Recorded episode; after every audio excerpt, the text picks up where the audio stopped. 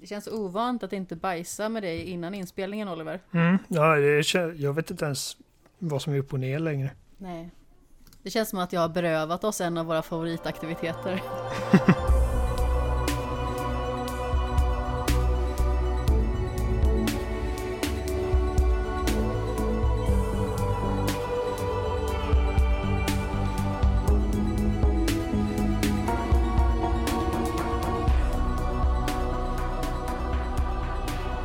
Hej och hjärtligt välkomna till det 53 avsnittet av Skämshögen med mig Amanda Sten och mitt emot mig här på andra sidan micken sitter Jimmy Seppele. Hallå. Det långa Mumintrollet. Ja. Jo. Och vi sitter inte här själva utan på andra sidan internet, bara ungefär 40 minuter bort, sitter vår kära podcastkollega Oliver Thulin. Tjabba tjena hallå, vi säger så. Tjabba tjena, jo tjena. Hej! Nicke och Nilla va? Uh, Nicke och Moje. Nicke och Moje kanske det var. Ja, det kanske det. Jag vet inte, jag bara kommer ihåg låten. Någon av dem. Någon Du- av dem Nicke var är med i det. alla fall. Ja, den lilla rackaren. Han nästlar sig in överallt. Podcastkollega, vad fan, jag är eran stjärtbroder. Jag är inte bara... Jag är inte bara någon kollega eller hallå eller? Våra nära vän också, Ja, kan jag ju tillägga. Men jag tror att de flesta som har hört oss i samma poddrum förut har hört oss i spelsnack, där vi alla tre huserar i vanliga fall. Systerpodden. Precis, det skulle man kunna säga Mm. med ett eh, finare ord. Det är nämligen så att eh, vi ska prata om skräck idag. Det är ju så att eh, nu när det är oktober och mörkret mer påtagligt har börjat lägga sig så är det dags att prata om läskigheter. Men jag tänker att eh, vi ska presentera dig först. Om man inte har lyssnat på Spelsnack tidigare så kanske man inte har hört, hört din röst tidigare. Kan inte du berätta Mm, lite om dig själv Oliver? Uh, nu satte du mig på sängkanten. Uh, Förlåt. Jag sitter faktiskt precis brev, bredvid sängkanten Ah, nu, så okej. att Ja. jag håller dig i handen. Ja, det är bra. Eh, nej, men jag, vad finns det? Jag är nybliven pappa på 30 år. eh, bor i Göteborg. Har sysslat med tv-spel sen jag... Inte sen jag, innan jag kan minnas, för att mina föräldrar var lite så här anti-tv-spel ett tag innan de fick liksom bara ge sig för att vi tjatar så mycket. Eh, men alltså sen jag var väldigt, väldigt ung i alla fall.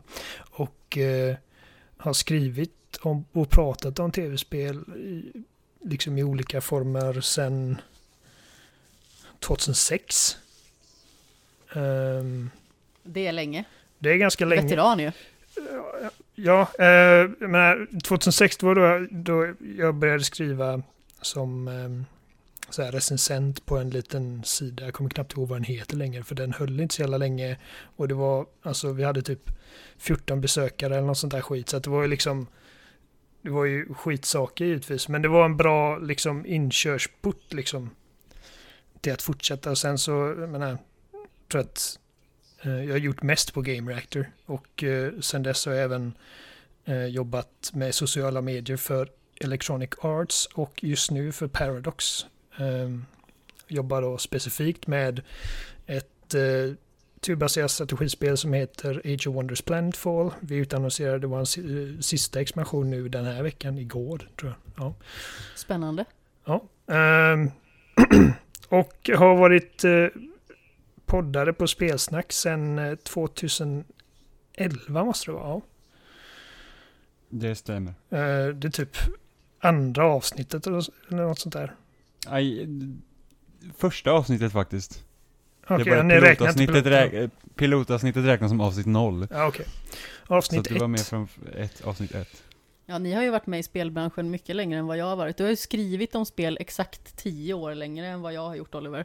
Och eh, ni har ju poddat bra mycket längre. Jag började podda 2017. På sommaren där.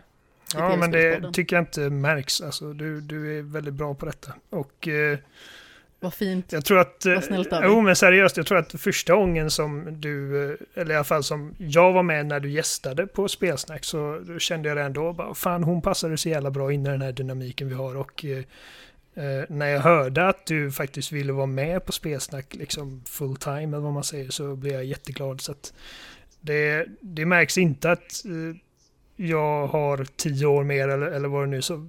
Kolla, jag kan inte ens prata. Eh, det var en lång komplicerad komplimang. Jag tyckte det var en fin komplimang i alla fall. Jag, jag är ett fan av vad du gör. Vad snällt. Eh, men vi poddade för första gången 2018 och då pratade vi om Spindelmannen. Just det. Och eh, det kommer vi snart få anledning att göra igen. Så det är ju härligt. Ja. Med lite Miles Morales. Ja, som vissa kommer börja köpa i februari. Ja, ja, nej, När han får jag, sin PS5. jag skulle precis tillägga det att det, det kommer ju ni snacka om. Ja, men Eh, Jag precis. ska, spoil, jag ska spoila allt. Eftersom att, ja precis. Eftersom att vi inte, ingen av oss, alltså det är väl typ sex personer i hela Sverige som kommer få en Playstation på launch. Alltså, det, det sjukaste, för att vi, du bokade väl också på webbhallen med Oliver? ja, Ja, och jag bokade ju också åt Amanda och mig på webbhallen. Jag bokade Amanda sent förvisso, så att det var ju liksom inte som att eh, som Nej, att man liksom var ute i jättegod tid på den. Nej, jag flyttade över en maskin, så var det. Nej, den här maskinen, den var fan bokad tidigt alltså. okej. Jag flyttade över maskinen från Stockholm till Göteborg istället. Ehm, Och det var i april va? Jag bokade april i år. Jag har sett att många tror att liksom gränsen på webbhallen för att boka att du verkligen skulle få en på launch är maj 2019. Ja, det är ju helt bisarrt. Ja, Vilket gör att alltså, de måste ha fått så lite maskiner. ja, För att det är liksom, jag tror inte att det är så många som liksom förbokar redan liksom ett år i förväg. det är svårt. För att jag tror att Nej, jag, PS4 bokade jag nog när det liksom, när priset blev satt. jag, och jag, då jag, fick jag på med samma dag som de satte Ja. priset gick jag in och la en bokning och jag fick min på launch. Eh, Jag med. Och, Eh, Switch hade vi ju lite svårt att få, men samtidigt, jag bokade åt Emma och Robin också, så att vi hade ju tre switchar, mm, och jag fick två av tre. Eh, och nu hade jag fyra Playstation 5 bokade, varav den ena var Digital Edition som jag bokade direkt när den kom upp på webbhallen. Och den fick jag inte heller. det är sjukt. För att den fanns ju inte att förboka innan, Nej. för att liksom det fanns bara PS5 basenhet då, så att eh, Sjukt. jag tror ju att det mesta av eh, enheterna går typ till Elgiganten och Mediamarkt, och inte webbhallen liksom. Jag har ju liksom inte varit med i den här typen av sväng tidigare för att alla mina konsoler har jag köpt ganska så sent i deras livscykel ändå. Jag köpte ju en Playstation 4 i brytpunkten 2015-2016. Jag köpte min Xbox One S, tror jag, hösten 2017 och sedan min Switch i början på förra året. Ja, det här är nog första konsollanseringen som jag inte, alltså när en ny generation börjar som jag inte är med på på en gång sen Wii. ja, jag tror Wii var min första också. Då, Ja, eh, Wii var den första konsolen jag bokade och köpte själv på launch. Och jag var så Precis. peppad, jag kommer ihåg vi fick så här, ba, äh, så här ehm, inte Toys R Us, vad heter den med den här råttan? Lek, Leklust tror jag heter. Aldrig talas om. som maskot. Nej men det är väl något Stockholmsgrej Ja. eller något. Leklust låter som eh, ett... eh. Snuskföretag. eh, Ja, sexleksaker. en Wii med den lilla remoten. Den vibrerade. Ja, avlång och stor. Och, och när jag såg liksom bara så här typ Wien i den här leksaksbutik, eller le, leksakskatalogen och kontrollen av spel, så jag fick sånt jäkla sug i magen för att jag längtade så mycket efter den. Så att det, Det var när du hade en själ. Och faktiskt Ja, kunde se precis. fram emot saker. Ja, ja, nu, nu är jag bara så här, ja, det kommer, det kommer, jävla piss. Apropå det här med snuskbutiker för övrigt så ligger det en porrbio precis alldeles i närheten av mitt jobb. Det känns jättebisarrt så när jag går från Hjalmar Brantningsplatsen så står det en stor skylt porrbio. På Hjalmar Brantningsplatsen? Ja, jag jobbar ju... Hur fan har det... Alltså jag vet vad det är, vart det är någonstans. Jag, ja. jag bara... Finns det en porrbio på Hjalmar Brantningsplatsen? En liten bit därifrån. Jag jobbar på Gustav Dahlénsgatan. Sjukt, jag visste inte Så ens det är att det inte fanns långt därifrån. fortfarande. Nej, och det ligger typ någon sån här sexleksaksbutik i anslutning till det också. Jag undrar hur det gått för den i pandemin nu. Liksom jag tänker så här att stammisarna där kanske går dit ändå, för att liksom så här, äh, men det brukar aldrig vara crowded där inne. Nej, det är typ tre pers helt utspridda så här sitter och... Då tänker jag på den, kommer du ihåg den Left 4 Dead 2-parodivideon med Chargen som sitter i ett hörn? Och Ja. Det är så jag tänker mig att de sitter i porrbion.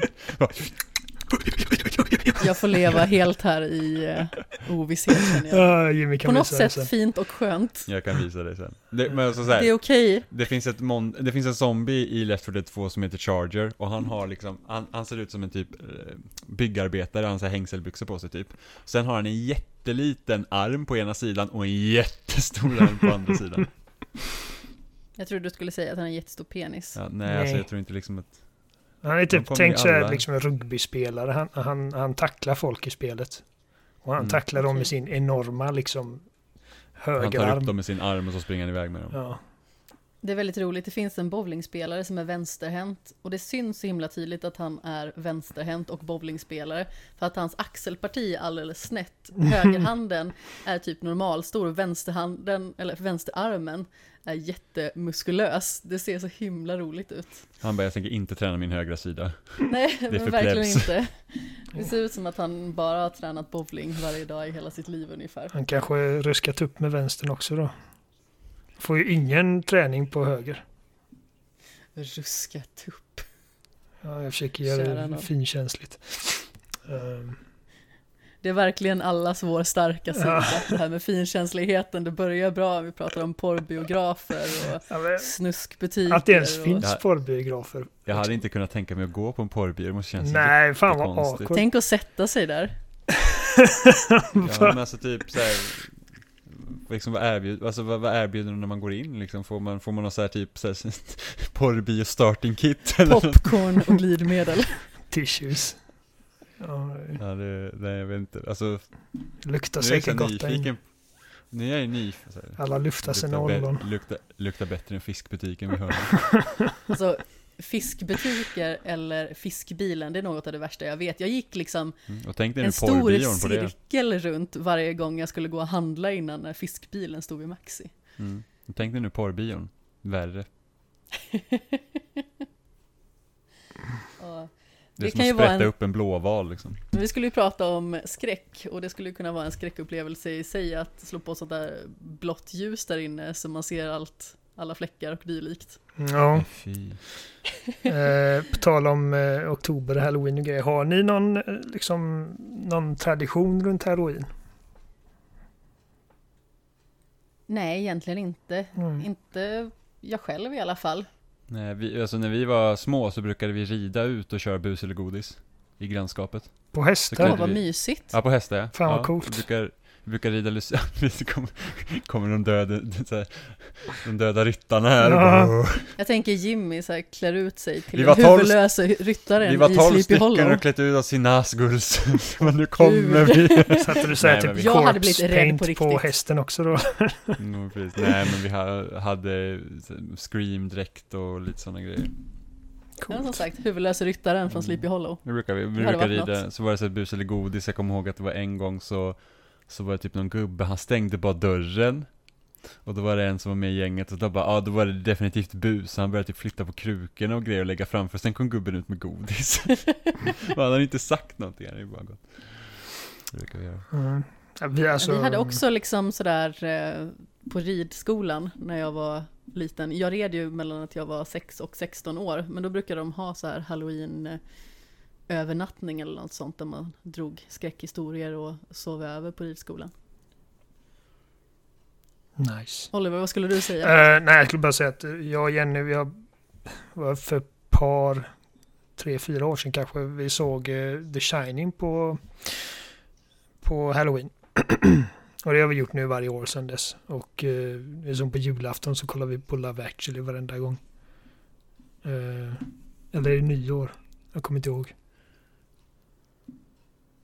Roliga liv vi av har. i julen? Men du Ja. får köra hela den sviten av den där filmen, för Love actually på julafton, så får du ta New. Year's Eve på nyårsafton och sen Sen på alla hjärtans dag får du köra Valentine's, Day Day, ja.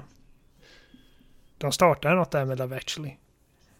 Det blev liksom en trend med så här gulliga romcoms med massor av liksom A-list Kändisar. kändisar.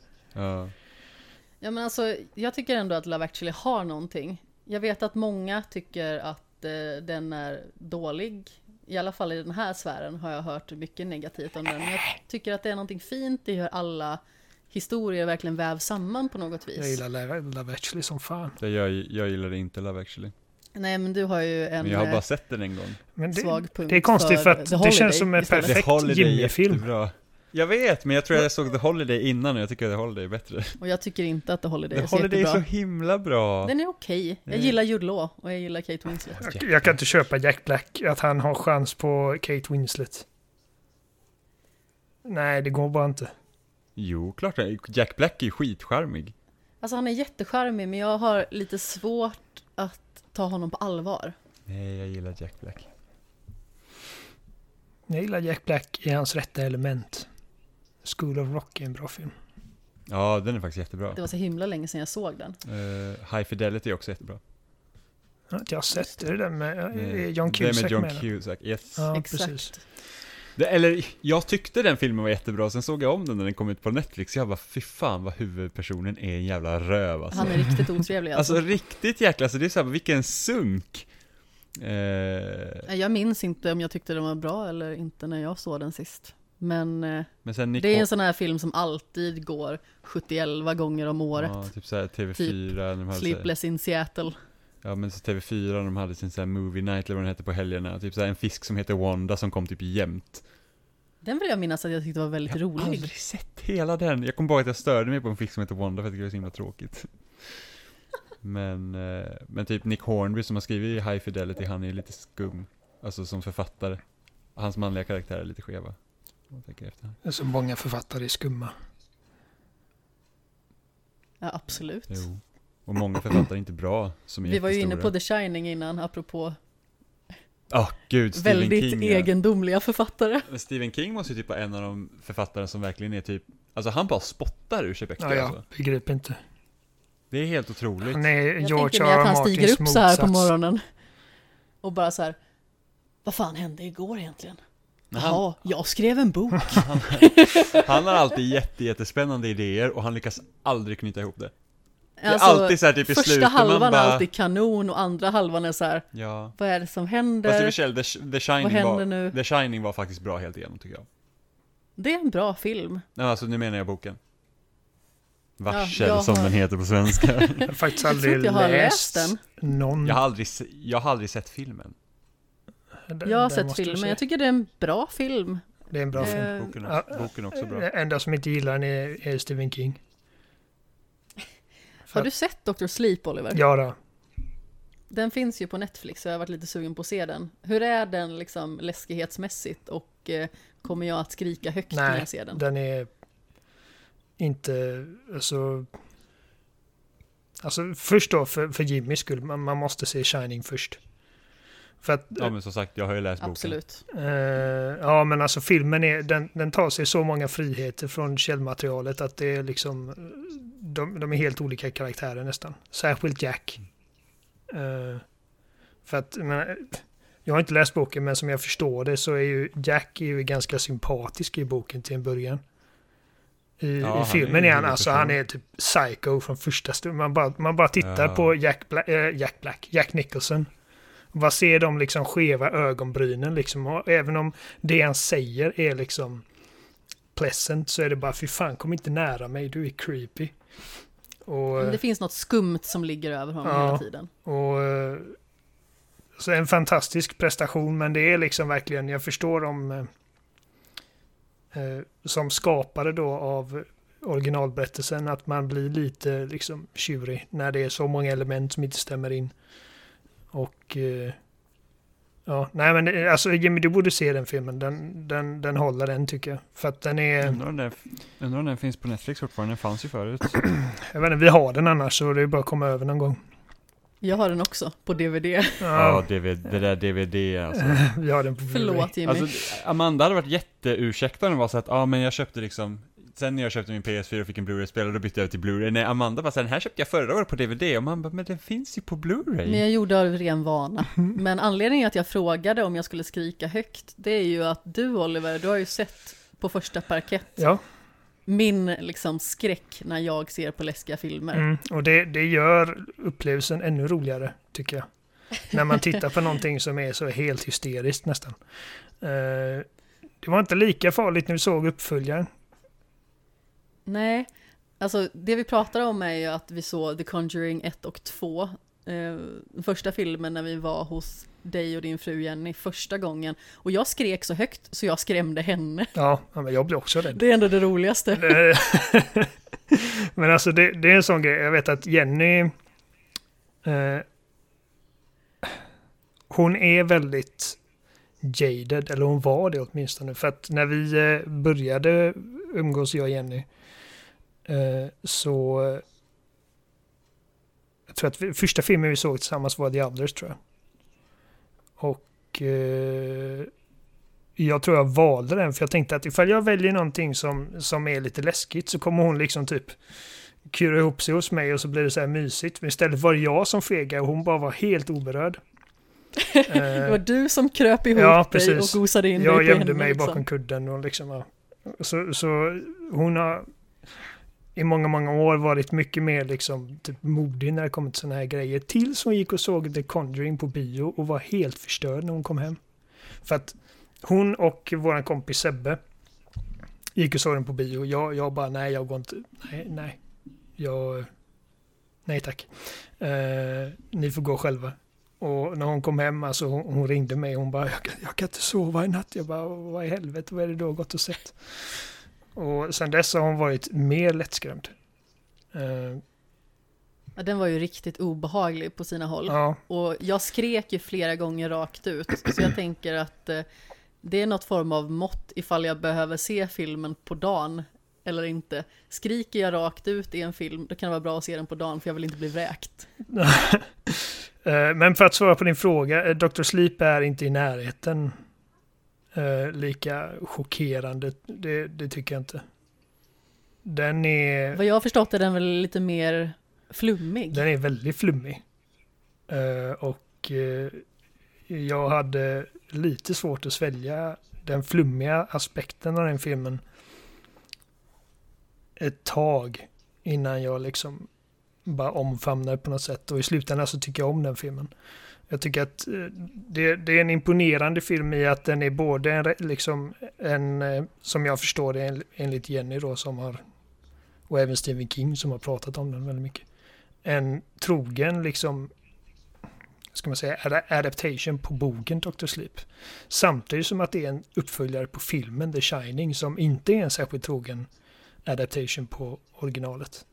Så att, ja, det är en intressant vinkel. Det är väldigt, ja, det är en väldigt spännande balansgång. Och den är ju gjord av Mike Flanagan. Som jag tycker är liksom, alltså, vår, vår tids liksom största typ skräck, liksom. Om man säger bara sett till hur mycket han har satt, liksom, producerat och vilk, hur låg, eh, eller hur hö, hög lägsta nivå han har haft på sina grejer. Jag har enorm respekt för honom tycker att han är, alltså jag, jag ser, ifall hans namn är på det så ser jag det med en gång. Och jag tycker att Ewan McGregor är riktigt, riktigt bra alltså. Han är också, han är en fantastisk skådespelare och eh, det finns, han har en väldigt bra liksom supporting cast också. Och Rebecca Ferguson. Han har varit bra så himla länge också verkligen. Ja, ja. jag, har inte, jag har inte sett något, något dåligt med honom. Alltså, han har varit med i dåliga filmer, men, men som, han har alltid varit bra. Precis. Även om filmerna har varit skräp, typ vissa av Star Wars-episoderna. Ja, precis. Jag menar, han, han är träigare i Star Wars-filmerna än vad han brukar vara, men det är för att alla är träiga i de filmerna. För att de har ingen ja. själ. Det är samma sak Natalie Portman liksom, som alltid brukar briljera i stort sett. Och i de filmerna kommer hon verkligen inte till sin rätt. Alla är bara så tråkiga i de filmerna. Ehm, men ja, det, det, är en annan diskussion. Alltså, Hugh McGregor är kanon. Rebecca Ferguson är antagonisten och hon är, eh, hon är också bra. Även om hon står för det mesta av flummandet. Men hon gör det bra. Och det är en väldigt välproducerad och den är liksom, som sagt, en uppföljare på filmen. Så att om man gillar mm. filmen så, så är det verkligen en kul liksom eh, ett kul återseende av den världen. Mm. Liksom. Spännande, då får vi ta en uh, The Shining och Dr. Sleep-dag då. Mm. Men jag tänkte vi ska gå in på första punkten som vi har i vårt lilla körschema här. Och då tänker jag att vi ska gå in på vår första skräckupplevelse. Jag tänker att du ska få börja Oliver. Oh. Eh, Jag har tänkt på det här lite under dagen och eh, alltså det måste ju vara Hajen. När jag såg den för att jag kan inte komma på en annan liksom skräckfilm som jag sett före Hajen. Eh, Och den filmen traumatiserade mig. Precis som jag kan tänka mig att den gjorde för många, liksom, särskilt när den kom ut på bio. Liksom, att folk vågade ju knappt gå, gå och bada efter den filmen kom. Och den, Folk vågar knappt gå på toa. Nej, men precis. Och eh, alltså än idag, liksom ifall... Jag brukade reta min eh, faster med det när vi var och badade i havet. Att jag började humma på det eh, eh, ledmotivet. Dun, dun, dun, dun. Och hon bara direkt gick upp i vattnet. Även om hon vet liksom att alltså, vi är typ i Sverige. Och liksom chansen att det skulle komma en vithaj och checka upp mig här är liksom alltså, astronomiska. Men det är ändå den liksom psykologiska grejen att du, du är i vatten. Du är på djupt vatten. Man är väldigt utsatt liksom. Precis. Och jag brukade utmana mig själv med det under tonåren när jag badade. Liksom att jag typ eh, simmade ut på väldigt djupt vatten så man inte längre såg botten. Så att när man dök och tittade ner så var det bara helt kolsvart. Och tänka på det ledmotivet i huvudet. Och, liksom för, och det var liksom, alltså jag vet inte varför jag gjorde det. Dumt att traumatisera sig själv men det, ja. Jag tänkte också det, varför plågar du dig på det här viset? Jag vet inte, för att bara se hur länge jag klarar av att liksom hålla mig i skinnet. Eh, Ja, kära någon, jag hade varit kanonrädd om jag hade gjort det där mot mig själv. Hade fått panik och typ en kallsup. Den filmen är ju i princip ensamt ansvarigt att ha demoniserat hajen. Alltså djuret hajen. Och verkligen. den är ju liksom hysteriskt icke-korrekt när det kommer till liksom, alltså vetenskap kring hajen och dess beteenden och sådana grejer. Och det är därför jag är liksom än idag rätt bekväm med att faktiskt kalla det för en skräckfilm. För att i slutändan så är det inte en film om ett djur som, som gör sina djursaker och äter saker. Det, det är en monsterfilm. Liksom, den hajen är ett monster. Och eh, I klass med Deep Blue Sea. det, det, Deep Blue Sea är en guilty pleasure. För att eh, lika mycket som hajen ter, eh, har terroriserat mig och mina mardrömmar liksom under hela mitt liv. Alltså, men det, det är nog den mest liksom, återkommande mardrömmen jag har är liksom att jag bara simmar runt i ett bara ändlöst kolsvart hav och jag vet liksom att det är massa hajar omkring mig. Eh, obehagligt. Ja, jag vet. Och det är, alltså, jag är helt traumatiserad varje gång jag vaknar och bara liksom har inte lust att sova igen efter det. Badar i din egen svett typ. Ja. Eh, Men det är ju de också väldigt fascinerade av hajar. Och eh, det är väl det som är grejen lite med skräck, är liksom att man, man, man dras lite till det även om man är rädd för det. Och eh, jag började kolla på massa sådana här typ dokumentärer med eh, Ron och Valerie Taylor som är så här legendariska marinbiologer som specialiserar sig på hajar. Och, Ja, jag har kollat jättemycket på hajdokumentärer i hyfsat ung ålder jag också. ja, Superintressant. och det är många. Alltså, Det finns himla många varianter. Ja, och det är ju populärt. Det var liksom Shark Week och hela den här, det är liksom ett event nästan. Och, och liksom nu, nu har jag en mycket mer liksom sund relation till det riktiga djuret, vithajen eller hajen överlag. Men då var det Jag liksom kommer ihåg att jag såg en liten haj ute i eh, Medelhavet en gång. coolt. Eller ja, Adriatiska havet var det nog snarare. Jag har aldrig liten sett haj. en haj som inte varit i fångenskap. Eh, Men Fångade mina näv. vi var, eh, när vi var i Florida så var det liksom, vi var på stranden och jag såg en eh, skylt där det stod typ liksom, eh, se upp för hajar typ och jag bara nej, då, går- då går jag inte i. så Du bara såhär doppa tån, bara nu är jag klar. ja, min, min fru var på, var hälsade på en kompis i Australien och eh, hon- de sa liksom de har så här haj- hajnät och grejer runt om hela och de har liksom olika de har typ vakter och de har skit som håller koll men jag hade ändå inte gått vid vattnet alltså inte en chans. Ja, men det Eh. finns någon zon, liksom nära Oceanien, där hajarna tydligen är helt knasiga. Alltså hoppar högt och är jätteaggressiva. För mig att det är utanför Nya Zeeland. Det... Ja, det vet jag inte. Det har jag inte hört talas om. Jag kan inte minnas exakt det här, men det var också i något form av naturprogram som jag såg någon gång för en herrans massa år sedan. Och De är också upprörda över Hobbit-filmerna. Ja, jag förstår det. Mm. Det är svårt att vara dem. Mm. Men Jimmy, din första skräckupplevelse? Eh, jag har så två olika minnen. Jag kan tänka mig att någon gång att typ Hitchcocks Fåglarna gick på tv. Och vi, typ hela familjen var samlad och kollade på den. Eh, vilket är ju såklart superobehagligt eftersom fåglar finns överallt och så tror man att alla ska typ äta en. Du ser en liten koltrast och bara åh nej, hjälp! En sån här kolibri bara ah! Ja, Eh, risken att man ser en kolibri här är jättestor. ja men förstå chocken. Men jag tror, liksom, om jag ska säga liksom, med, med ett klart minne så är det i så fall Terminator 2. Och nu vet jag att Terminator 2 inte är en regelrätt skräckfilm. Men när man är liten så är det ändå läskigt. Så, Vi, jag vet, vi var, ja, nej, jag ska inte avbryta.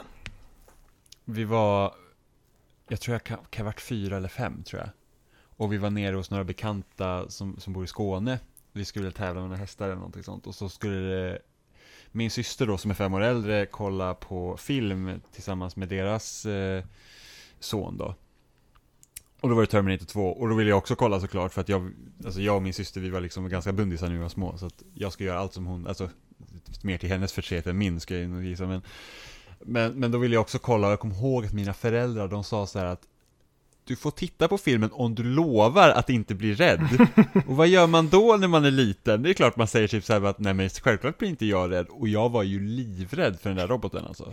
Alltså jag hade mardrömmar hela den natten liksom och, var, var, liksom, och skrek och grät och så fick jag ju själv för att jag hade ju lovat att inte bli rädd. Du är ju typ sniff i den här upplevelsen. Bara, Det finns inga morror och går ut på terrassen och där står morran liksom och sedan skiter han knäck. Det är Jo. typ du i det här Ja, sammanhanget. fast Sniff är vuxen, det var inte Nej, jag. Sniff är inte Hur vuxen. gammal är Sniff då? Nej men alltså Sniff och Mumin och Lilla My och Snorkfröken, de klassas ju som barn Ja liksom. men barn.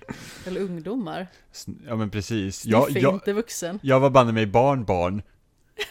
Var det barnbarn? Ja, jag var barn, det var jag också. Men jag var jätteliten. Terminator 2 är ju liksom en actionfilm tekniskt sett. Men Pre- den ja, skurken precis. har ju liksom alla liksom attributen hos en så här skräckfilmskurk också. Han är liksom en Ja, ostoppbar, liksom bara kalkylerande men helt känslolös mördar, bokstavlig mördarmaskin. Vars Ja, enda jag- syfte liksom att existera är liksom att döda dig. Och det finns inget du kan göra för att liksom resonera med den. Och till synes inga sätt att stoppa den heller. Den Alltså, jag förstår att, att du tyckte den var läskig. ja, och det är liksom så att jag har aldrig sett Terminator 2 efter det heller. Du hade inte tyckt Så den var läskig idag. Nej, det, det tror jag också. Det, det var som när jag åkte Blå Tåget på Gröna Lund och var livrädd för det och sen så tog det typ, alltså kan ha varit så här en eh, 7-8 år och tyckte det var asläskigt att åka Blå Tåget och sen åkte inte jag Blå Tåget förrän jag var typ 16 igen för att jag hade varit så himla rädd. Jag liksom vägrade när de andra ska åka liksom Blå Tåget. Jag var nej, jag vägrar gå åka det och sen var det inte alls så läskigt. Åh, kära nån. Men, eh, men jag var ganska tidig med att börja kolla på skräckfilm, just efter att jag har min syrra liksom som är så pass mycket äldre, så att jag började liksom se skräckfilm ofta när jag var sju. Liksom eh, och vad var min syrra då? 12. 12, precis. Så det är liksom under den tiden som normala människor brukar börja titta liksom på skräckfilm. Eh, så att jag, jag är ju, var väldigt tidig. Jag tror jag såg min första skräckfilm på bio när jag var 10. Jag såg min första skräckfilm på bio Hjälp. när jag var typ 16. Jag undvek skräckfilm jättelänge på bio. Det var From Hell jag såg. Oj, Och sen, Johnny Depp. Jajamän, och sen så såg, Den såg jag inte på bio, däremot så såg jag den, men du hade varit, du hade varit nio då? ja men precis. Men jag såg den eh, när mina föräldrar hyrde den. Förmodligen på VHS. Jag. Ja, hade den nog på VHS också. klart du hade. Sluta Jimmy! Och sen, eh, Retfullhet. jag tror den läskigaste bioupplevelsen jag någonsin haft, det var när vi såg The Ring på bio, den amerikanska versionen, och vi sitter längst fram. Och då var jag 12. Och det är liksom så när hon, alltså, när hon kröp ut ur tvn, alltså, i- sällan har jag känt mig så rädd. Alltså jag skakade när jag gick ut ur bion alltså. Det är den första skräckfilmen jag såg, alltså riktigt skräck-skräckfilmen. Och jag såg den själv, och hur gammal var jag när den kom på... 2003, jag var 12. Och Kom sen, den så sent? 2003 kom den eh, på bio ja. Oj, jag trodde att den kom tidigare än så. Nej, uh, japanska originalet är från 98 tror jag. Nu blir jag lite konfunderad här, för jag har för mig att jag var yngre när jag såg den. Jag är ju född 1992.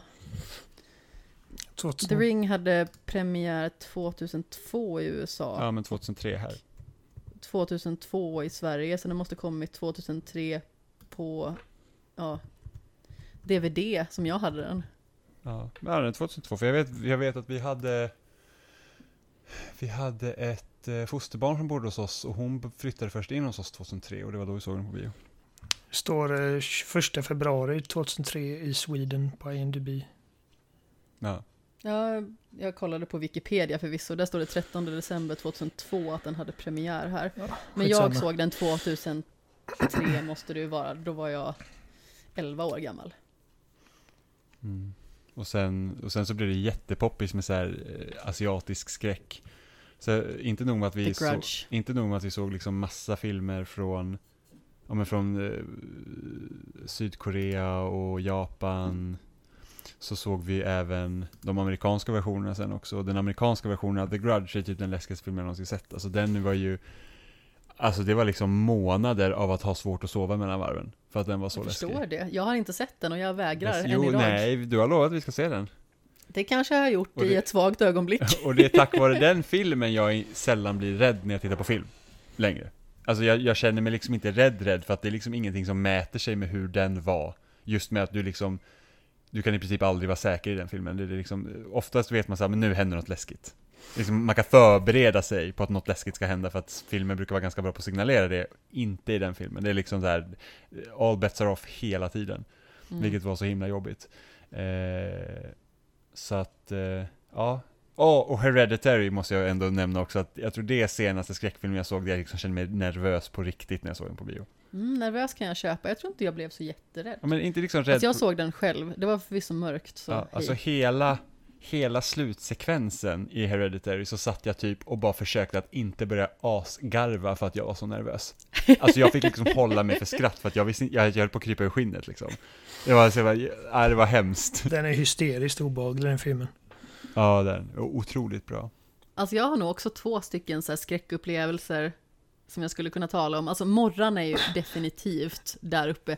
Jag är fortfarande än idag ärrad av det här. Ja, morgon är skitläskig. Jag tycker att Morran är fruktansvärt läskig och hon faller ju också in i den här mörka skepnader stereotypen som jag liksom är rädd för på något vis. Och när jag var liten så drömde jag ofta mardrömmar om morgon och då fick mamma komma och rädda mig i drömmen. Så mamma var min trygga hjälte när jag var liten.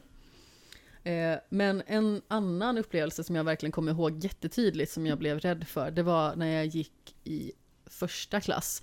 Då hade jag fått en eh, ny kompis som precis hade flyttat till Sverige från Finland. Anna hette hon. Och eh, jag skulle sova över hos henne. Vi hade liksom gångavstånd mellan varandra. Så jag skulle sova över hos henne och vi skulle se Taran och den magiska kitteln.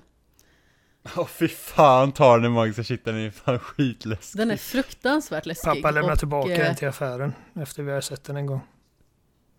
Ja, alltså jag kan förstå det. För just hela den här, eh, när den hornkrönte väcker upp de döda.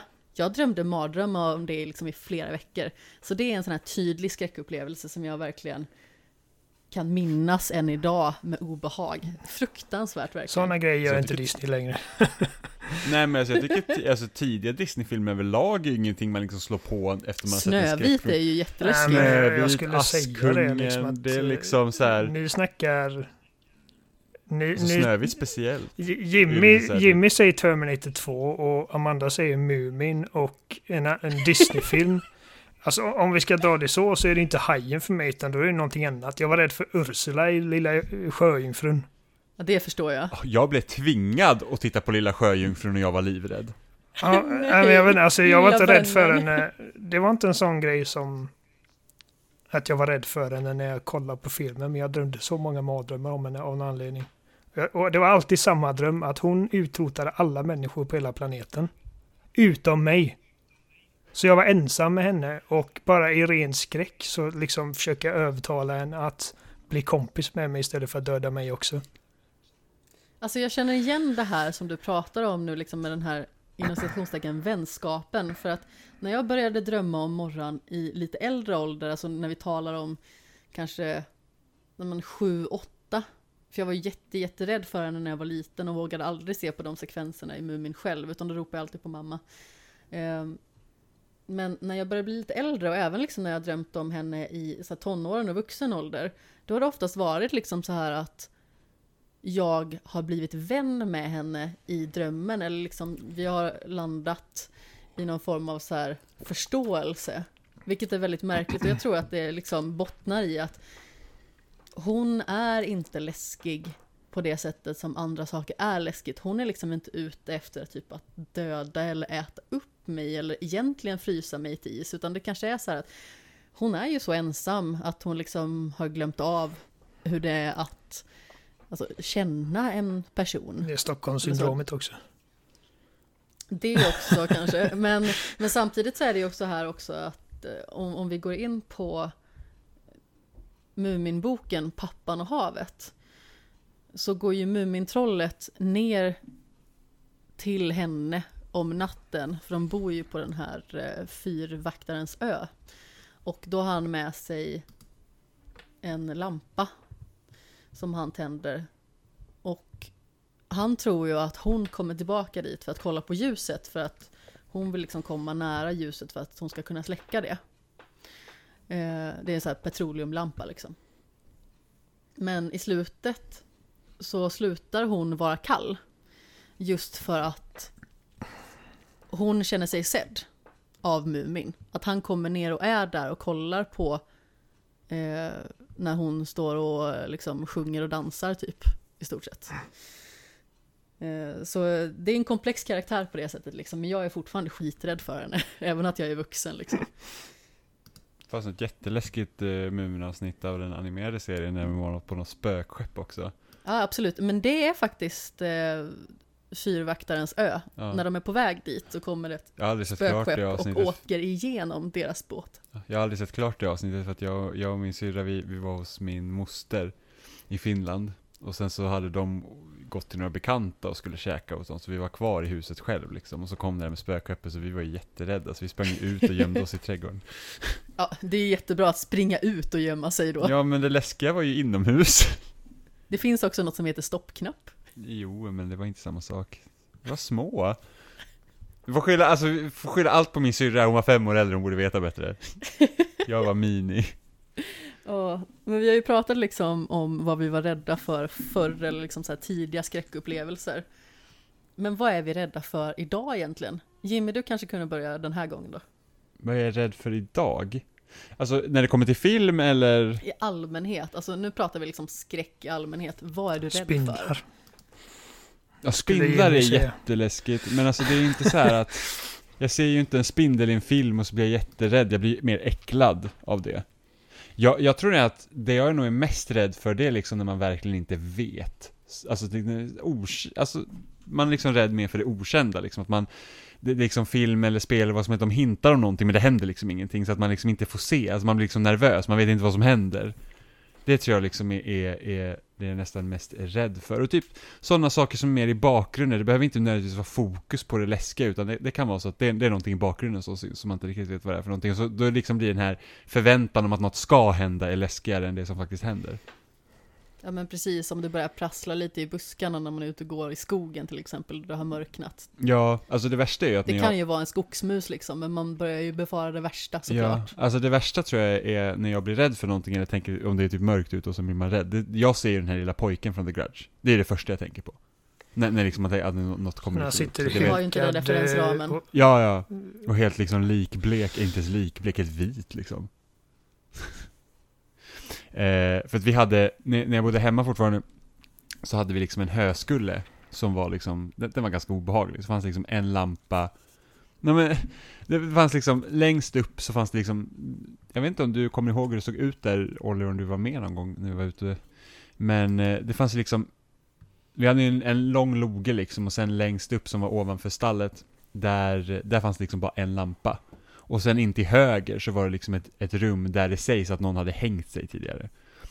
Eh, och det var liksom alltid mörkt där uppe. Och speciellt på vintern, liksom, den där lampan löser inte så himla mycket, så det var alltid mörkt i det rummet där då den har hängt sig. Och sen var det massa stora liksom balkar. Var det bara liksom en glödlampa som hängde och dinglade också? Ja, men i princip, inte Åh, riktigt nej. men nästan. Det är inte okej Eh, och sen någon så, gång sen så var det ganska så breda balkar, både i taket och sen så gick ner liksom från taket till golvet då, så att, ja, för det, är- det är en gammal liksom laggård. Och där var jag alltid så här typ, när det var mörkt och så kanske man var själv ute och så började man ju liksom tänka på det, typ The Grudge, så tänkte jag bara att det var hur många som helst, den här lilla pojken som bara typ pikade fram bakom de här typ träbalkarna. Nu sitter du och skrämmer mig. Ja, det här är inte alltså, okej alltså. skiträdd för det, för sen har det ju hänt så här skumma grejer också när man varit själv och det är liksom säkert att man liksom inbillar sig eller någonting så att man typ att det dras saker på golvet ovan när man är nere i stallet och sådana här grejer. Men Så att Jimmy, man hör massa sluta. ljud och liksom Det här är inte okej. Och det värsta är så att man tänker ibland så här, ja ah, men det är bara katter liksom. För vi har ju, vi hade ganska, mm, alltså, vi hade kanske en sex, sju katter liksom. Men så sitter alla katter nere i stallet och man var så här. okej. Jag kommer ihåg en gång det lät liksom som någon liksom bara typ Ja men som någon nästan hade så fingrar på hela liksom taket, liksom lät typ så här. Och det är liksom ingenting jag kan förklara, för det lät som jag är livrädd i alla fall. Usch. Oliver, vad är du rädd för idag? Eller, det behöver liksom inte vara någonting konkret sådär, utan det är liksom bara den obehagliga känslan. Jag tror att eh, finns nog ingenting som, man inte, som det inte går att göra läskigt ifall man, inte, ifall man sätter rätt spin på det. Eh, jag vet att det är nu, det är nu Oliver pitchar så skräckversion av Bumbibjörnarna. Ja. uh, jag vet, det är en sak som jag snarare inte tycker är läskigt längre och som jag gjorde förut tyckte var helt fruktansvärt var zombies. Uh, man har sett uh, Dawn of the Dead och uh, Night of the Living Dead och de här George Romero-filmerna och tyckte liksom att det finns ingenting mer fasansfullt än att liksom bli uppkäkad av typ 37 zombies som tar små tuggor av dig. Eh, Medan du inte kan göra någonting åt saken. Men sen dess så har zombies blivit så utspelat att det liksom berör mig inte längre. Eh, jag tror att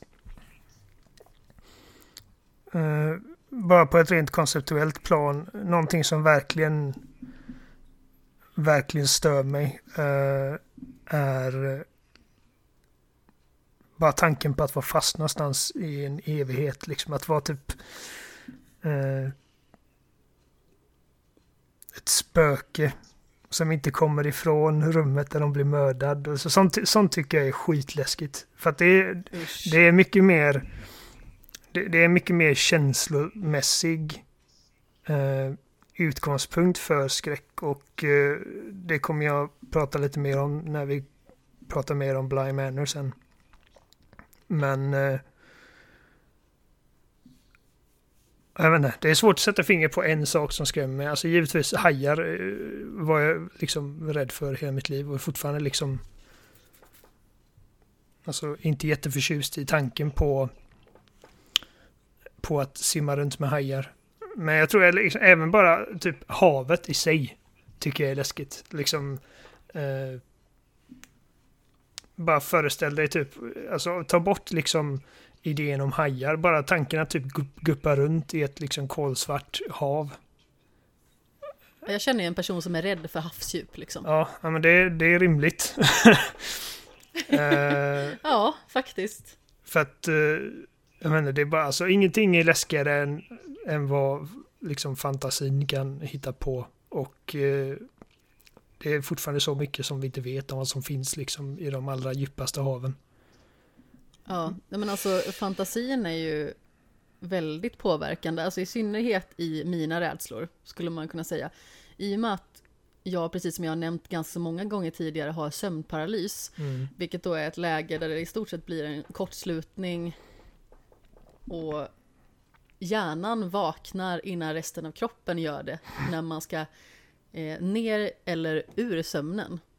Vilket då resulterar i att man kan fortfarande se för sitt inre öga, men man kan inte röra sig.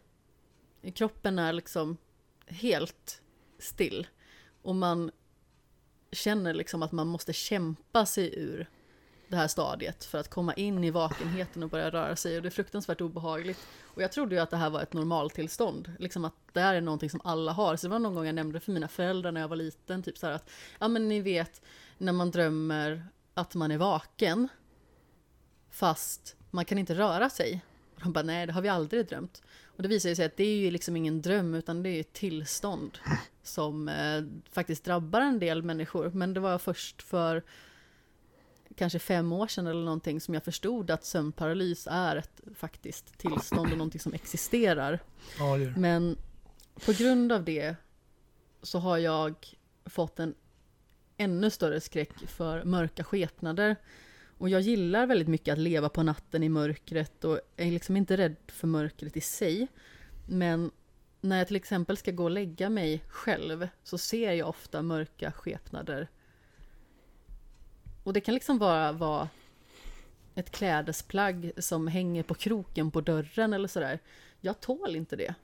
Jag klarar inte av det. Alltså, nu har ju Jimmy bott här nästan hela tiden sedan maj. Men, eller ja, nästan hela tiden sedan jag flyttade in här faktiskt i mars, om vi ska vara helt ärliga. Men de tillfällen när jag har varit ensam och Jimmy har varit i Flemingsberg och nu senast när han var uppe i två veckor så sov jag med lampan tänd. För det är liksom mitt liv, eller vad man ska säga. Innan jag bodde helt själv så var jag dels sambo i nästan tre och ett halvt år och innan dess så hade jag liksom mina föräldrar som jag bodde hos. Och de här senaste åren som jag har bott själv så har jag alltid sovit med tänd lampa på grund av det. För att jag är jätterädd för att sova annars. Du fick med, alltså det där med mörka skepnader, det, det är väl en sak som jag tycker är hysteriskt äckligt. Det är liksom känslan att vara iakttagen av någon.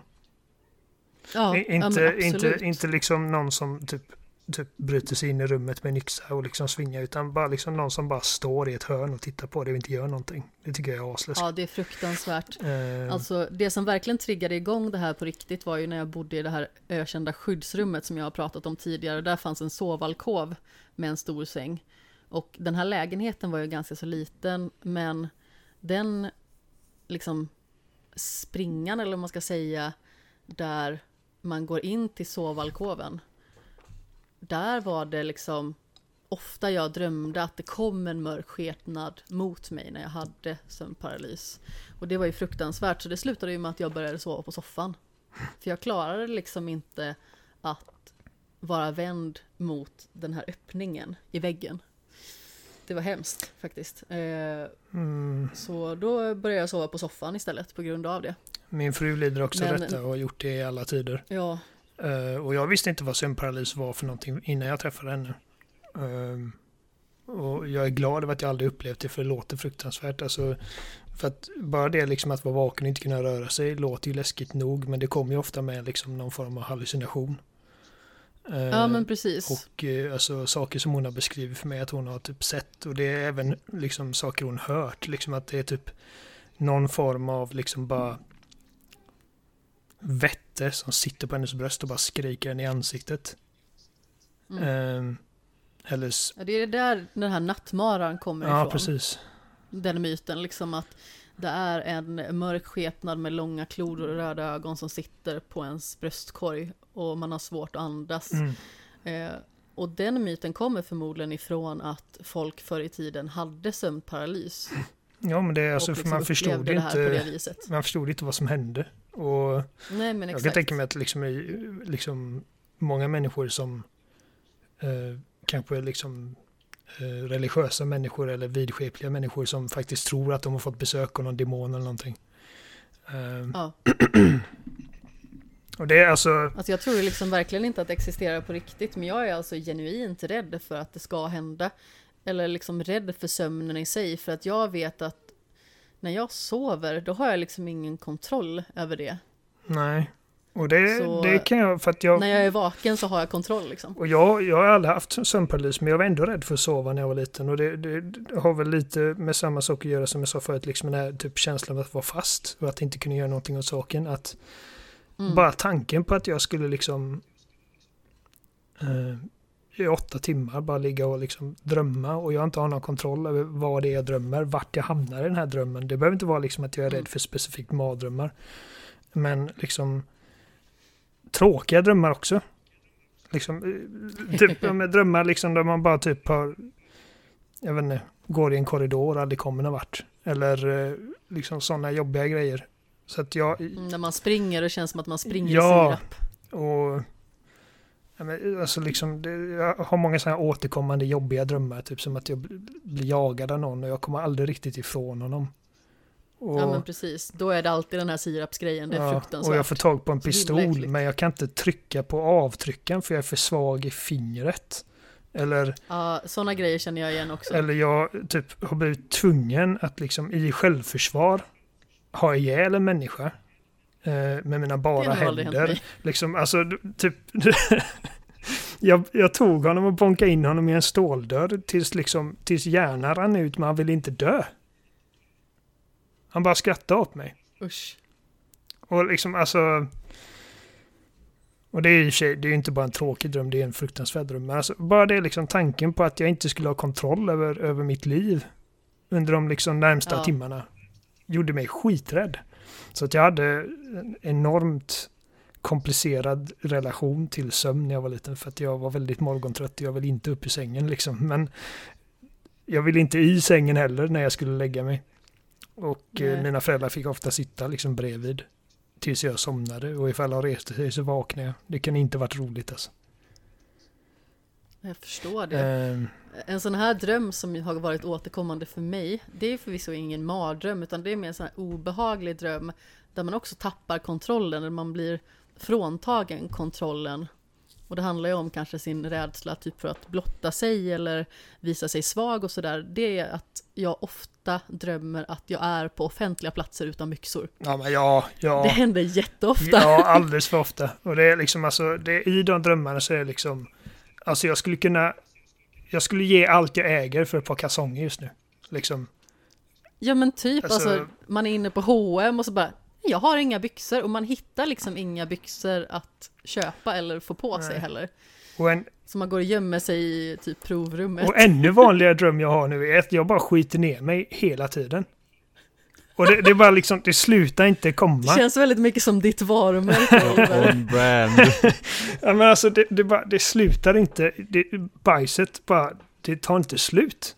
Och det är liksom, jag, jag, jag byter om och byter om och byter om, men det är liksom bara, det kommer och kommer och liksom varje gång jag försöker hitta en toalett så är det liksom någonting som kommer i vägen för att jag inte liksom får dra ner brallorna och sätta mig på toaletten. Det är liksom att det är någon i rummet, det är någon som försöker prata med mig, det är eh, stopp i toaletten. Alltså, min hjärna är helt briljant när det kommer till att hitta på anledningar till att jag inte får gå och sätta mig och skita. Eh, det är alltså, det är helt utmattande. Liksom att det liksom... För att det är alltid bland folk också. Det är inte så att jag sitter hemma och liksom det bara kommer bajs och bajs och bajs. Det är alltid när jag är liksom ute på stan eller liksom är med kompisar eller vad det nu är. Och det är bara alltså, Åh. det, det är helt... Det går inte att resonera med det. Nej, jag förstår. Det är extra jobbigt om man är en hemmabajsare också liksom och inte tycker om att bajsa på offentliga toaletter. Ja, men alltså... Det är ingen, ingen gillar väl att bara, Eller ja, det kanske det finns folk som gör. Det är väl ett gott ont i alla fall. Ja. ehm, Jag hade jättesvårt för att gå på toa i allmänhet liksom offentligt innan.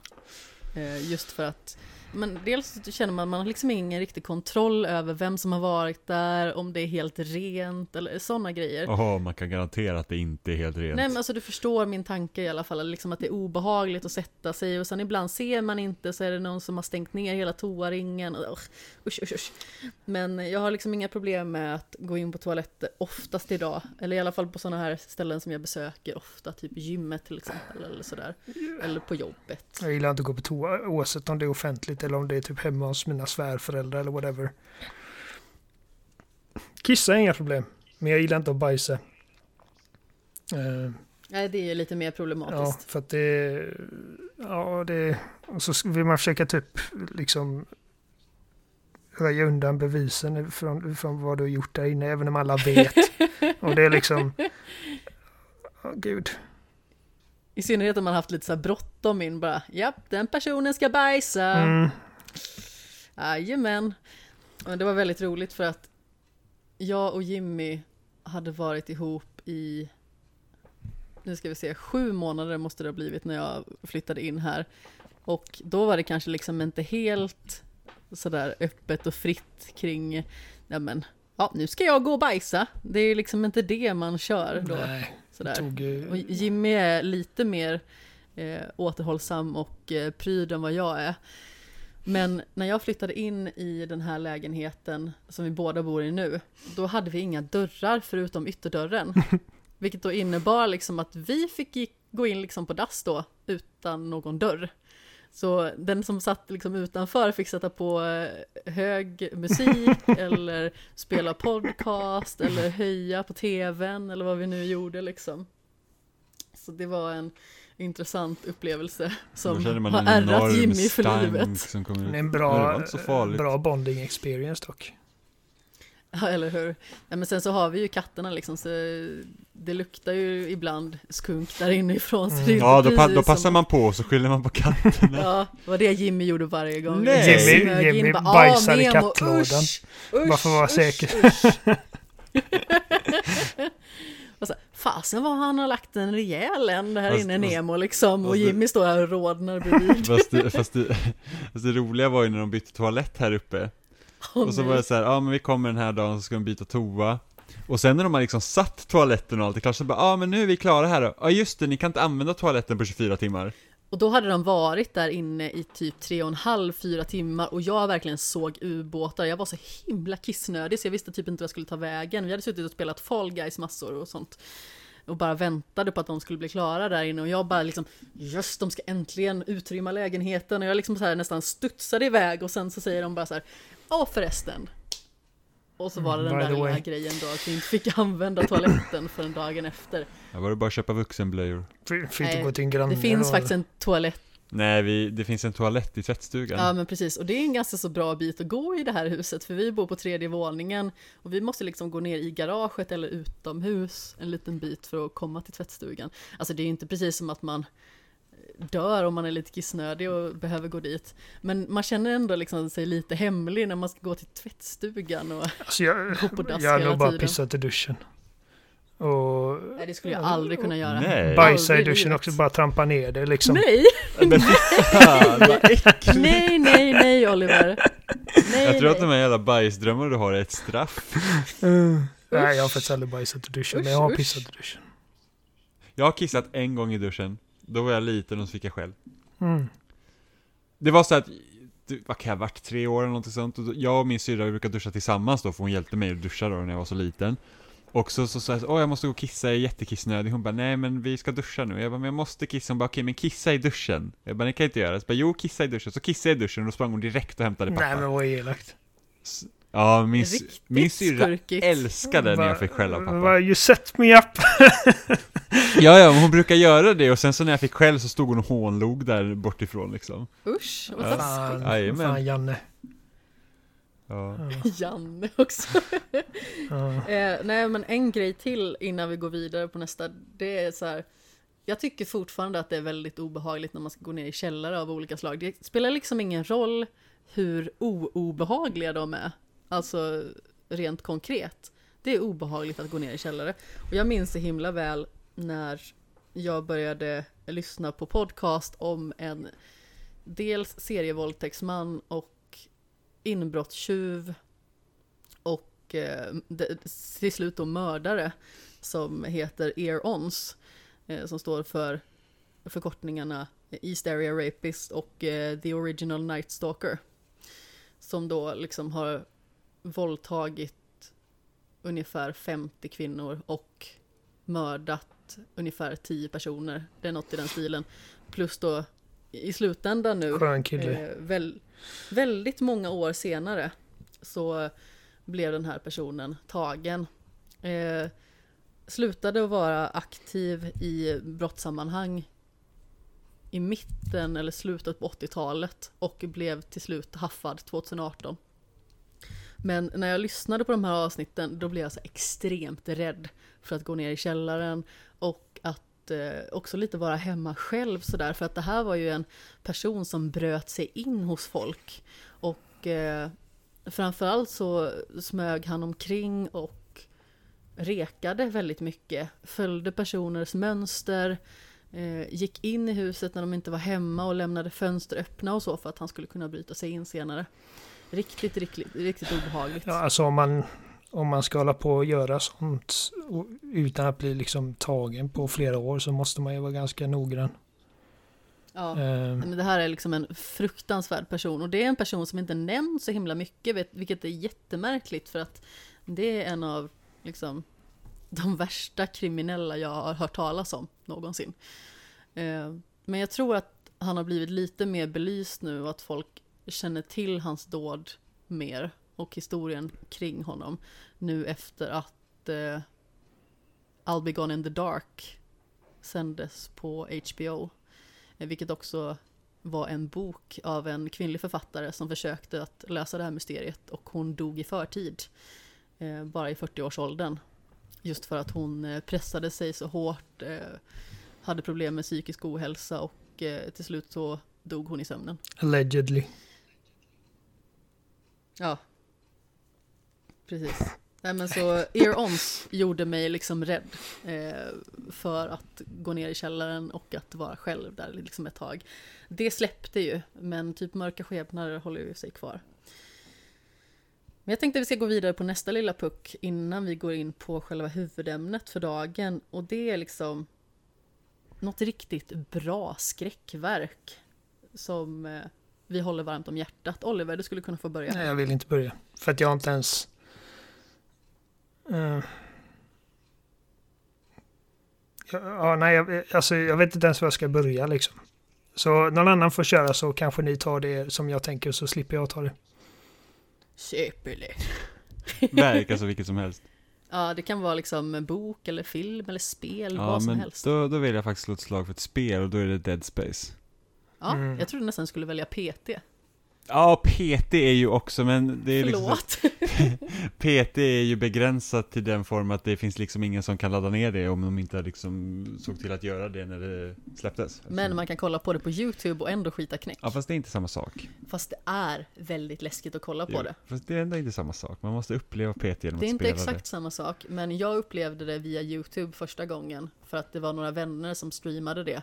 Och jag var så rädd verkligen. Alltså jag var fruktansvärt rädd. Alltså nu kanske inte jag är en måttstock på eh, liksom folk i allmänhet sådär. Som kanske är lite smårädda. Utan jag är ju kanonrädd för det mesta i skräckväg liksom. Men eh, jag tyckte det var riktigt obehagligt. Men Dead Space i alla fall.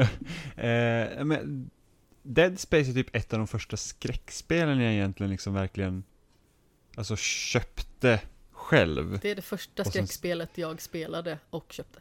Första skräckspelet jag spelade var Resident Evil 1. På den tiden när typ äldre människor inte förstår att åh, spel kan också inte vara för barn. Så det var typ jag och min kompis var sex år gammal som spelade Resident Evil 1 med hans pappa liksom. Jag var skiträdd för den där jävla ormen. Ja. Det var också upphov till massa mardrömmar. Eh, men eh, Dead Space är liksom så här, speciellt när det kommer till spelmediet så tycker jag att Dead Space är liksom ett av de så här typ perfekta skräckspelen. In, inte för att liksom att när jag spelar idag att det är så himla läskigt, men första gången så var det då, då var det liksom kusligt på det sättet att man liksom Just det att man har skräck och rymden tycker jag liksom är väldigt Liksom går bra hand i hand just för att Rymden är något så pass okänt så att vi vet inte alls vad som kan finnas där ute. Vilket gör att det liksom kan vara, du är inte bunden egentligen till saker som liksom fungerar här utan det kan vara lite hur som helst. Nej, det är per, Eh. rymden är perfekt för skräck. Det, är- det är samma Ja. som varför hajen fungerar så jävla bra. För att det är liksom, eller allting som har med havet att göra eftersom att det är inte är vårt naturliga liksom eh, habitat. Och, och rymden är ju liksom gånger tio det. är Liksom att det, det finns så mycket vi inte vet och det finns liksom bokstavligen oändliga möjligheter till bara sattyg. Eh, Ja, verkligen. Den är ju så outforskad på en så helt annan, eh, eller på ett sånt helt annat plan verkligen, mm. än mycket annat. Så just den här resan liksom med Isaac Clarke är ju fruktansvärt obehaglig. Eh, också intressant eh, liten kuriosa om namnet så är det ju liksom en uppblandning av Isaac eh, Asimov och eh, Arthur C. Clarke. I alla fall. Men där var jag också riktigt rädd. Eh, mycket för att man kunde liksom inte gå säkert runt något hörn. Jag minns det så himla väl, liksom det här med att gå runt hörn i Dead Space var något av det läskigaste jag visste eh, den sommaren när jag spelade det. Plus då de här eh, äckel-aliensarna där man måste skjuta av deras, extrem eh, uh, deras extremiteter för att eh, kunna... deras Stack, stackars, Oliver, stackars Oliver får så PTSD över sitt skitdrömmande nu. Ja. Han bara, nej, sluta prata om bajs. Men just en av de mest obehagliga grejerna i Dead Space, det tycker jag är hur väl skaparna har eh, använt sig av tystnaden. Mm. Ljudet Typ när man är i ett överlag. vakuum, liksom. Alltså, Ja, alltså ljuddesignen är definitivt liksom bara det att hela skeppet liksom som i princip är liksom en, bara en stor jävla stålbäst som är typ död. mm. Så liksom det pyser och det liksom knakar och det liksom känns som att hela liksom stället är vid liv.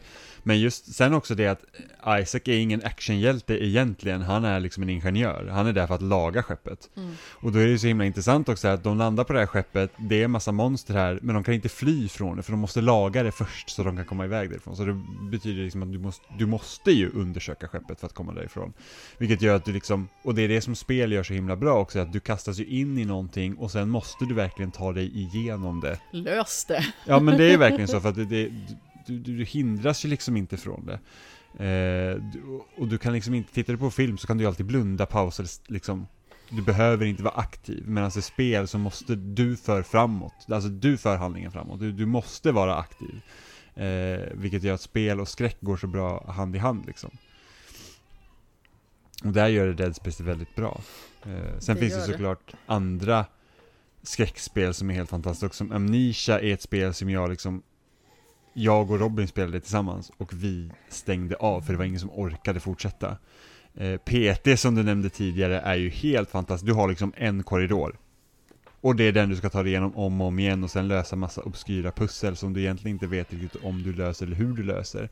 Och, och, och bara den liksom grejen med också som det kom fram för no något år sedan bara det här att spöket, liksom då Lisa i, i spelet, hon är bakom dig hela tiden. Hon liksom sitter fast på din axel. Ja, det är så fruktansvärt och allvarligt talat, jag tror att mitt skrik efter min första personliga konfrontation med henne ekar fortfarande i Häradsbygdegård liksom. För att jag skrek så högt så att alla stannade upp i hela lokalen och kollade liksom vad det var som hade hänt. För jag blev så himla rädd, jag kastade ifrån mig kontrollen och sedan så satte jag mig i fosterställning. Men vi har ju också en Let's Play på Spelsnack-kanalen där Emma spelar inom PT. och det finns liksom ett ställe där hon praktiskt taget ropar på mamma för att hon blir så rädd. Ni tvingade mig att spela det hemma hos dig en gång och jag, alltså jag fick migrän. Alltså, Ja, ja, vi fick, vi fick lov att sluta för att Oliver klarar inte av det. jag... Eh, så det enda jag känner med PT... Alltså det som, det som skrämmer folk mest med det spelet är ju det som, eller vanligtvis, tror jag, det som jag känner är liksom spelets billigaste moment. Att liksom hon bara dyker upp framför dig från ingenstans. Ehm, Åh, det är fruktansvärt. Det liksom- när det jo, när man fast det- vänder fast, sig om. fast, hon, fast hon dyker inte fram, eh, fram framför dig från var som helst, utan hon faktiskt taget väljer att inte följa efter dig bakom dig när du vänder. Jo, men alltså det är inte så man upplever det när det händer liksom. Det Nej, precis. Och, Men det är ju, liksom, du har ingen kontroll över det, hon dyker upp och dödar dig och eh, liksom, du kan inte undvika det i princip. Eh, och det, alltså, det är nästan en ful liksom, övergång. Man märker det inte för att man blir så chockerad av det att man liksom inte tänker på det. Men eh, det är liksom som en sorts klippning nästan. Liksom att spelet typ hoppar in i en videosnutt. Där hon liksom är rätt i ansiktet på dig och typ bara skakar så äckligt som hon gör eh, med en jobbig liksom, ljudeffekt. Och det är sån här typ effektsökeri Mm. som, jag känner, som jag är ganska trött på. Eh, Alltså jag förstår var du kommer ifrån med den kritiken, men samtidigt jag blev Ja, så men jag med. Jag vet liksom inte vad jag, Jag skulle med. det hände inte, det hände inte mig i min genomspelning. Va? Nej, hon hoppade inte framför, jag såg henne, jag såg, jag, hon, jag såg ju henne i spelet, alltså hon stod liksom bort i korridoren ibland upp på balkongen, men hon hoppade aldrig framför mig. Men jag och Robin satt ju och spelade samtidigt, så han spelade på sin TV och jag Mm. spelade på min. Och då såg jag att det hände för honom. Mm. Men så Ja. jag gick ju runt och var rädd hela tiden. För att Ja. nu, nu kommer hon, nu kommer hon. Så att, och, och där är det ju också så här, det är det som är så briljant just med att hon är bakom dig hela tiden. För varje gång du känner att nu är hon bakom dig och du vänder om det Då är om hon liksom, hon är verkligen inte där. Hon ha- är ju bakom dig. Det är, usch, det är så hemskt. Eh, Har ni Ja, sett Shutter? Nej, Shutter? Ja, Vad är det för jag något? tror det är en koreansk skräckfilm. Eller om det är japansk, ja, asiatisk skräckfilm som har också fått en amerikansk remake. Ehm, men den, den, den är också så för det sista, det sista twisten i filmen är att, eh, för han liksom, Spoilers. ja, eh, alltså spoilers för, Jimmy. spoilers för Shutter. Eller Jimmy Oliver. Ehm, han, han, eh, han är en fotograf och han ser liksom typ ett spöke på sina fotografier och liksom eh, hon terroriserar honom genom filmens gång och han liksom klagar på att jag har så jävla ont i nacken och axlarna genom filmen. Han går till läkaren och de ser typ något som är konstigt och han typ har gått upp massa i vikt men det syns inte på honom. Och det sista liksom, det absolut sista som händer i filmen, alltså den sista liksom twisten, är att hon har suttit på hans axlar hela tiden. Nej, fy. Och liksom greppa tag i honom. Fy. Liksom, och, och, och, så att, ja, man ser typ en övervakningskamera liksom. Eh, och när han inser det, liksom, han bara typ bryter ihop och hamnar på en talsjukhus. Eh, Det hade ju vem som helst. ja, men det är, det är också det, liksom, någonting som är så jävla äckligt. Det här med typ nu, det enda hon gjorde var inte det att iaktta honom, men det är liksom, hon har varit där hos honom hela tiden utan att han vetat om det och liksom han, Tyngt ner honom. precis, bokstavligen. Och eh, han har liksom känt hennes närvaro på något sätt, men liksom inte riktigt kunnat sätta det och liksom och det är det jag känner med PT som jag tycker är mycket mer effektivt, eller inte mer effektivt kanske, för att den där jumpscaren är jävligt effektiv, alltså den fick mig att skita ner mig nästan. Eh, Kommer igen? Ja, precis. eh, nej, men alltså det, jag, blir, jag blir skiträdd givetvis. Alltså jag, jag blir väldigt rädd av jumpscares. Så jag ska inte sitta här och säga att de inte är effektiva. Jag bara stör mig på när de inte känns väl liksom förtjänta. Eh, Ja, men jump scares kan ju vara så himla billigt. Alltså jag vet Ja. ju, den första filmen jag och Jimmy såg på bio ihop var den andra delen av It. Och där var det ju jump scare på jump scare. Och hela filmen igenom. Och det var någonting som verkligen störde mig för att man visste ju hela tiden att snart kommer en jump scare. Sen går de vidare och går igenom nästa persons öde. Och så kommer jump scare och så håller det liksom på så. Eh, och Ja. det var en så himla trött grej, verkligen. Och filmen kändes så himla lång av det. är inte liksom ett typ ett automatiskt dåligt ehm, Alltså en jumpscare är inte automatiskt dålig bara för att det är en jumpscare. Alltså det, det finns gott om fantastiska jumpscares. Ehm, Men då ska det ju verkligen vara en överraskning. Ja. Alltså ta typ It Part 2, där var det ju liksom så himla repetitivt. Så man var ju inte rädd för det, utan man satt ju och väntade på det hela Precis. tiden. Ta typ PT, där är det liksom en överhängande skräck så himla länge. Och man liksom känner att man är iakttagen och så vänder man sig om och så står hon där. Och man blir ju helt förgjord. Mm. Ja, men det, det jag skulle säga var att liksom, den, den jumpscaren skrämde mig väldigt mycket, men en grej som skrämde mig nästan lika mycket, som jag respekterar mycket mer, är när man kommer ut till liksom hallen och jag liksom får för mig att titta upp och hon står på övervåningen och bara tittar på mig. Liksom. Nej, fy, Eh, ja det är också fruktansvärt alltså, det, det, det är just den grejen liksom. Iakttagen. Och hon, hade inte jag tittat upp så hade, inte, liksom, så hade det inte påverkat mig. Det hade liksom inte hänt någonting. Men hon stod där uppe och eh, spelet liksom lät mig göra den upptäckten själv. Och det, det är den typen av liksom eh, skrämselmoment som jag har mycket mer respekt för och jag tycker liksom ändå får samma effekt lite. Liksom att man sätter någonting helt fruktansvärt mitt framför näsan på dig men inte gör en stor scen av det. Ehm, Ja men det är ju lite samma som vi kommer prata om eh, The Haunting of Hill Ja. House och The Haunting of Bly Manor. De sen, gör liksom, mycket att det sånt. finns så himla mycket läskigheter i bakgrunden liksom, men man måste kolla efter dem. Och man kan upptäcka dem av en slump. Men vi ska komma in på det sen. Men hade du liksom något mer verk som du bara sa yes det här är bra skräck? Liksom? Alltså, jag tror att mitt problem är inte att jag, att jag inte kommer på någonting. Jag kommer på alldeles för många grejer. Uh, för jag älskar verkligen skräck. Vad är det första som kommer upp liksom? Uh, det första som kom upp när, när du gav mig schemat för idag var Hereditary. Men vi har nämnt den lite grann. Och så det är det, alltså den, den bara värsta scenen i hela den filmen för mig är när man har liksom bara en stor vidvinkel på hans sovrum i, liksom mot slutet. Och det är liksom, det händer ingenting förrän du tittar upp i hörnet och man ser henne sitta uppe i hörnet i taket. Och det är liksom helt tyst och det är liksom, filmen drar inte uppmärksamhet till det utan jag kommer ihåg när jag såg det med Sebbe, jag fick liksom liksom putta till honom lite. Eh, för han stirrade ju på, på sonen i sängen. Mm. Jag puttade till han lite och bara ser du henne där i hörnet? Och han bara va? Och ryggade liksom, alltså han ryggade tillbaka. Och in, inte för att filmen liksom gjorde någonting särskilt, det var bara att liksom insikten var att hon har varit där hela tiden. För att det är en ganska lång tagning där ingenting händer, kameran rör sig inte. Eh, sånt älskar jag. Och... Eh, nej, så att eh, Hereditary, det är liksom en riktigt bra modern skräckfilm. Eh, tycker... Eh, ja, det är roligt för det var en film som, när vi pratade skräck senast i skämshögen, jag hade Sandra Ferroni här på besök, då pratade vi om just Hereditary faktiskt. Ja. Uh, jag hör oftare argumentet typ att ja, men det görs bara skitskräck nu i moderna tider. Tacka vet jag typ 80-talet och bla bla. Och jag håller inte med om det där.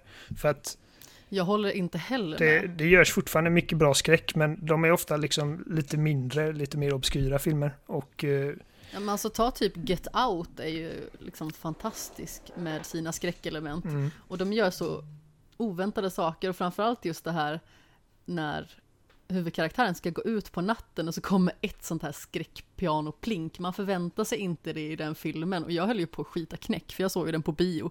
Jag höll ju typ på att flyga upp i salongstaket liksom. Ja, men den är också fantastisk, inte bara för att det är liksom en läskig skräckfilm. Det är, det är inte bland det läskigaste. Den har något att säga. De har någonting att säga, det är, det är en berättelse och, eh, och det, det är liksom en åsikt som jag hör ofta, liksom att ifall någon går på går och ser en skräckfilm på bio och de inte tyckte den, liksom, ifall den inte fick dem att hoppa ur biofåtöljen så är det en dålig skräckfilm, vilket är bullshit. Alltså en bra film är en bra film. Absolut. Det finns massor av skitbra filmer som aldrig har fått mig att hoppa till. Uh, The Witch är ett exempel.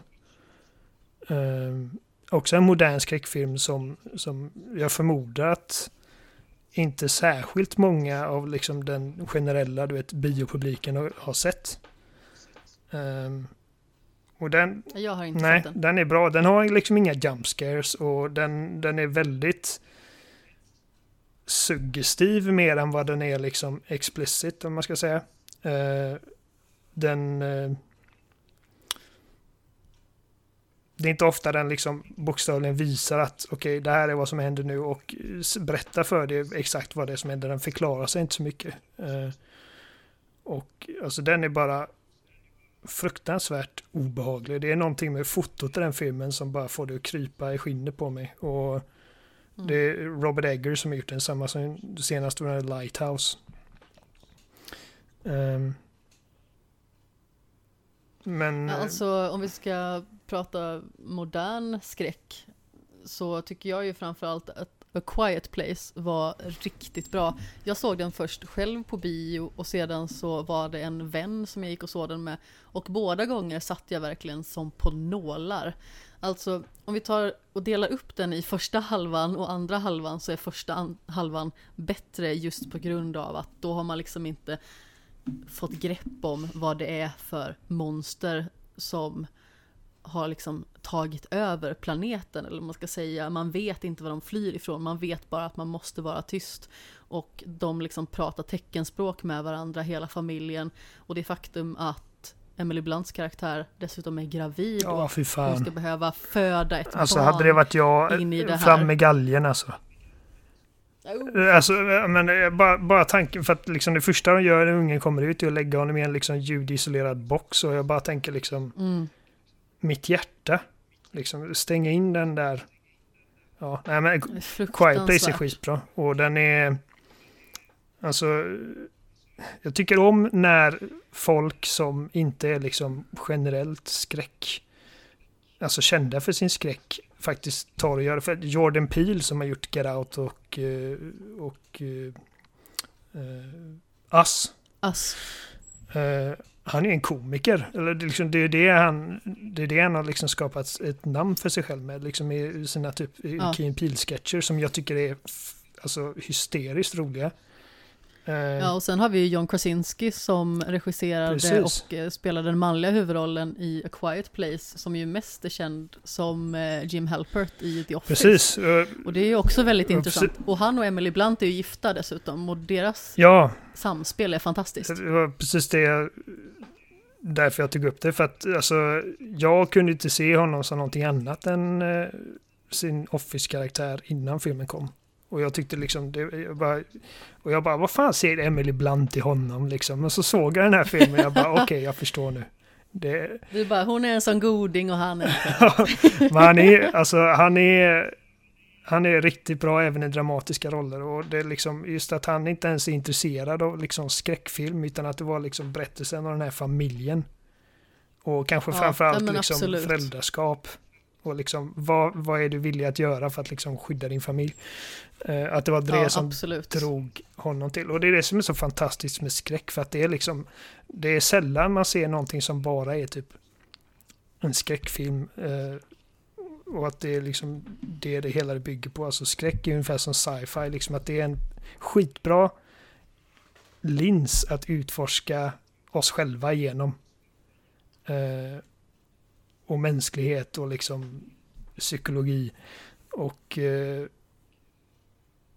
det är därför liksom att även om en film inte, med Quiet Place är inte den läskigaste film jag har sett men den är ju betydligt bättre än typ Annabelle som givet fick mig att hoppa till ett par gånger men som inte är liksom särskilt läskig. Och det är samma ifall någon skulle slänga in ett bowlingklot genom mitt fönster nu så hade jag blivit jätterädd. Men inte för att bowlingklotet är läskigt.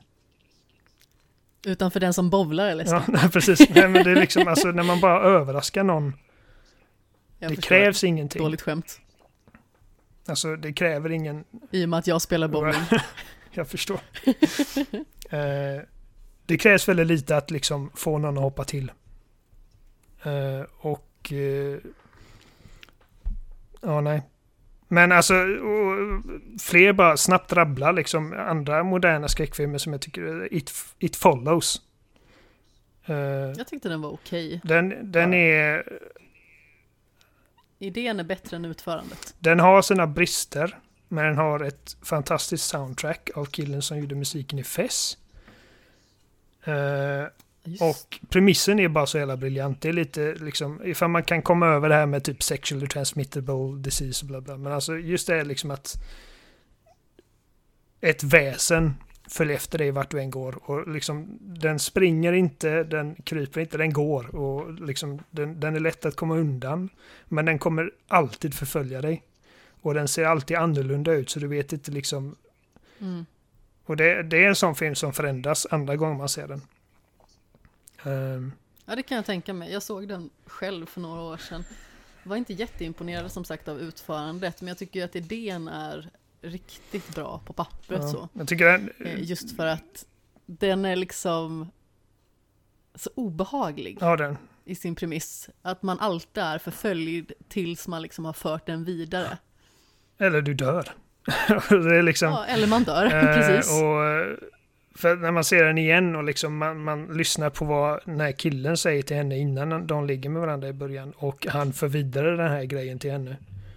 Så man, man, får allt annat, man får allting i ett annat perspektiv för man vet liksom att han har levt med den här ett tag.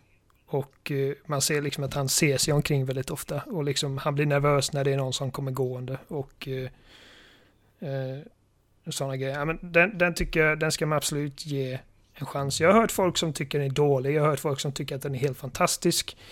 Du tycker att den är okej, okay. jag tycker den är bra. Um, Vad tycker Jimmy Seppele? Men alltså om, någon om den personen dör då, då går den vidare till inte hela för... nästa. Då går arvet vidare ja, till den det, som det gick till den sist. som innan ja, så var det. Det har jag glömt bort. Nej, jag tyckte den var jättebra. Uh, Det är bara liksom ett, ett, ett bra hantverk sett till liksom film, filmskapande. Liksom att den är, den är den är bara snyggt gjord. Um, jag menar, Men alltså det bästa, det bästa med skräck är att du kan ju också göra film med väldigt lite. ja, Och ta typ så här eh, Paranormal Blair Witch. Project, eller Paranormal Activity ja. Sen, sen, sen så typ, alltså Paranormal Activity, sen har ju liksom den, alltså den serien har ju blivit liksom helt ja, Alltså problemet med skräck det är när de försöker liksom förklara en jävla mytologi i slutet. Det blir Ja, bara så att, nej men nu det blir det för mycket. tråkigt. Men liksom, ja men första filmen var ju första är liksom bra. Och samma med första Blair Witch. Alltså, den var ju liksom ett, ett Ja. fenomen när den kom. Det var folk som var liksom eh, uppriktigt osäkra på om det var fake eller inte. Och Ja ja men det var ju liksom bara för att det kändes ju som att, alltså den var ju filmad som om det verkligen Ja. vore på riktigt. Det, det, Mm. liksom, briljant det- finns en- marknadsföring också. Eh, Det finns en svensk film som också har tagit inspiration från Blair Witch Project som också var typ filmad i så här någon skog med typ found footage. Och jag kommer fan inte ihåg vad den det heter. finns så många found footage-filmer nu. Och jag vet med Mm. en svensk. Ja, den här från typ tidigt 2000-tal tror jag. Mm. Jag har ingen aning. Men jag skulle kunna sticka in med att det här är ju förvisso en film som inte är en skräckfilm utan den har mer så här skräckinjagande element och är mer ett krigsdrama egentligen. Men det är ju Pans labyrint. Ja, ja, Fantastisk film om väldigt hur en ung flicka försöker att skydda sig mot verkligheten genom att leva sig in i en fantasivärld. På grund av kriget som pågår och eh, alla obehagligheter som hon måste stöta på. Liksom. Och det absolut läskigaste med den filmen har ingenting med monster att göra. Det har liksom med typ alltså riktiga män som gör fruktansvärda saker mot andra. Och, Ja men Eh, precis, men det är ju egentligen kontentan av väldigt mycket skräck och eh, alltså just när det gäller zombies och sånt, alltså ta bara The Walking Dead, att det är oftast människorna som Ja. är Zombien är bara liksom en Eh. nuisance i princip. Ja. Eh, Men det är som det här eh, citatet som jag skrev eh, någon gång på sociala medier, att Scooby-Doo har lärt oss att alla riktiga monster är människor. Mm. liksom. Det- alltså nu, nu nämnde jag Hajen som min första, men jag tycker också att det är liksom en, en oerhört bra film överlag, alltså, som fortfarande håller. Alltså effekterna har ju åldrats ordentligt, men det är därför det är så jävla tur att den jävla mekaniska hajen de hade aldrig ville funka, så de fick ju filma stora delar av filmen utan en haj. Vilket gjorde att de liksom blev tvungna att vara lite mer eh, kreativa och använda kameravinklar för att liksom antyda vad hajen gör och var den befinner sig. Och, eh, Ja, och det okända är ju nästan mer precis, läskigt så oftast. att, alltså alla problemen som den produktionen liksom hemsöktes av slutade, liksom i slutändan så gjorde den filmen bara tjänster. Och eh, så det är liksom när man faktiskt ser hajen på nära håll som filmen liksom inte riktigt håller. Um,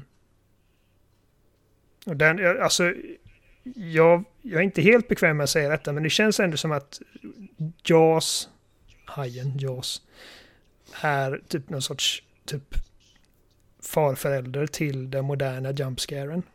Um, för jag, jag, Ja, men det var bra formulerat. jag, vill absolut. liksom, jag vill få det till att det var det är typ främst två scener i filmen som faktiskt är liksom eh, så att folk faktiskt hoppade ur biostolen och eh, den ena eller den andra snarare gjordes för att Steven Spielberg såg reaktionerna på den ena eh, i biopubliken och ville ha mer sånt. Ehm, Mm. Jag bara tycker det är så jävla kul att den filmen uppfann ju också liksom eh, termen blockbuster. Liksom att folk, kön, kön till biografen liksom gick runt hela, hela kvarteret. Liksom sommarblockbustern. Um, Ja. och det är få filmer som har haft liksom samma typ liksom påverkan på liksom det liksom ska man säga gemensamma typ rädslan för någonting så simpelt som bada. Ehm, och till sist så alltså Alien är bara helt briljant. Den första filmen. Jag vet att det är många som tycker att uppföljaren är bättre. eh, och jag tycker att uppföljaren är en riktigt bra actionfilm. Men den första Alien är liksom bara en alltså, snudd på perfekt skräckfilm. Och eh, jag önskar Ja, att absolut. jag Den är är, riktigt obehaglig. ja, jag önskar att jag var gammal nog att liksom kunna ha sett den på bio och liksom eller inte nödvändigtvis på bio, men att kunna ha sett den innan liksom Xenomorfen och hela den här serien blev liksom en stor franchise. För att jag liksom, jag kan inte säga att Alltså jag visste liksom att Darth Vader var Lukes pappa innan jag såg filmerna. Och det är lite samma sak med, med Xenomorfen, Alien, liksom att uh, man bara vet liksom hur den ser ut, vad den gör och liksom vad den är kapabel till. Eh, men när den filmen kom liksom eh, bara det att man aldrig riktigt liksom vet vad det är som händer. Så att man, man ser den liksom i olika former. Så först är det liksom bara typ eh, obskyrt litet ägg som de hittar. Och det kommer ut typ en rymdkrabba som sätter sig på ansiktet på snubben och man vet liksom inte, alltså är människan död? Vad är det, liksom, vad är det den gör? Och nästa gång man ser den så dyker den rätt ut i bröstet. Och är en Det är den mest ikoniska ja, scenen, verkligen. skulle man väl kunna säga. Och är liksom en liten tanig grej. Och sen nästa gång man ser den så är den fullvuxen så att den liksom ändrar form hela tiden. Man kan liksom inte vara säker på liksom vart tar det slut. Och... Eh, Nej men precis, för det, den utvecklas ju verkligen så himla fort mm. så det verkligen eskalerar. Och den är liksom som en perfekt mördarorganism och det liksom det och man kan inte vara ja, nu vet vi det som sagt. Det är det som är min poäng. Att jag önskar att jag var gammal nog att se den här när man inte liksom, när, när innan den blev en popkulturikon liksom. Uh, men mm. då så, man kunde inte vara säker liksom på vad är den kapabel till nästa gång vi ser den. Uh, vilken form tar den och uh, liksom när tar mardrömmen slut? Och det den filmen är liksom det är en lång film och den är typ två timmar någonting. Men det, det, känns alltid som att när jag ser den så liksom det bara flyger förbi. Liksom den är... Och liksom typ en, en liksom en, en kvinnlig badass-ikon i Ripley. Och eh, och också en sån grej liksom att detta är liksom inte något militärskepp utan det, de är typ också bara, vad är det, typ miners eller någonting. Det är bara vanliga människor på ett, ja. på ett simpelt vanligt rymdskepp liksom i framtiden där liksom alla har rymdskepp.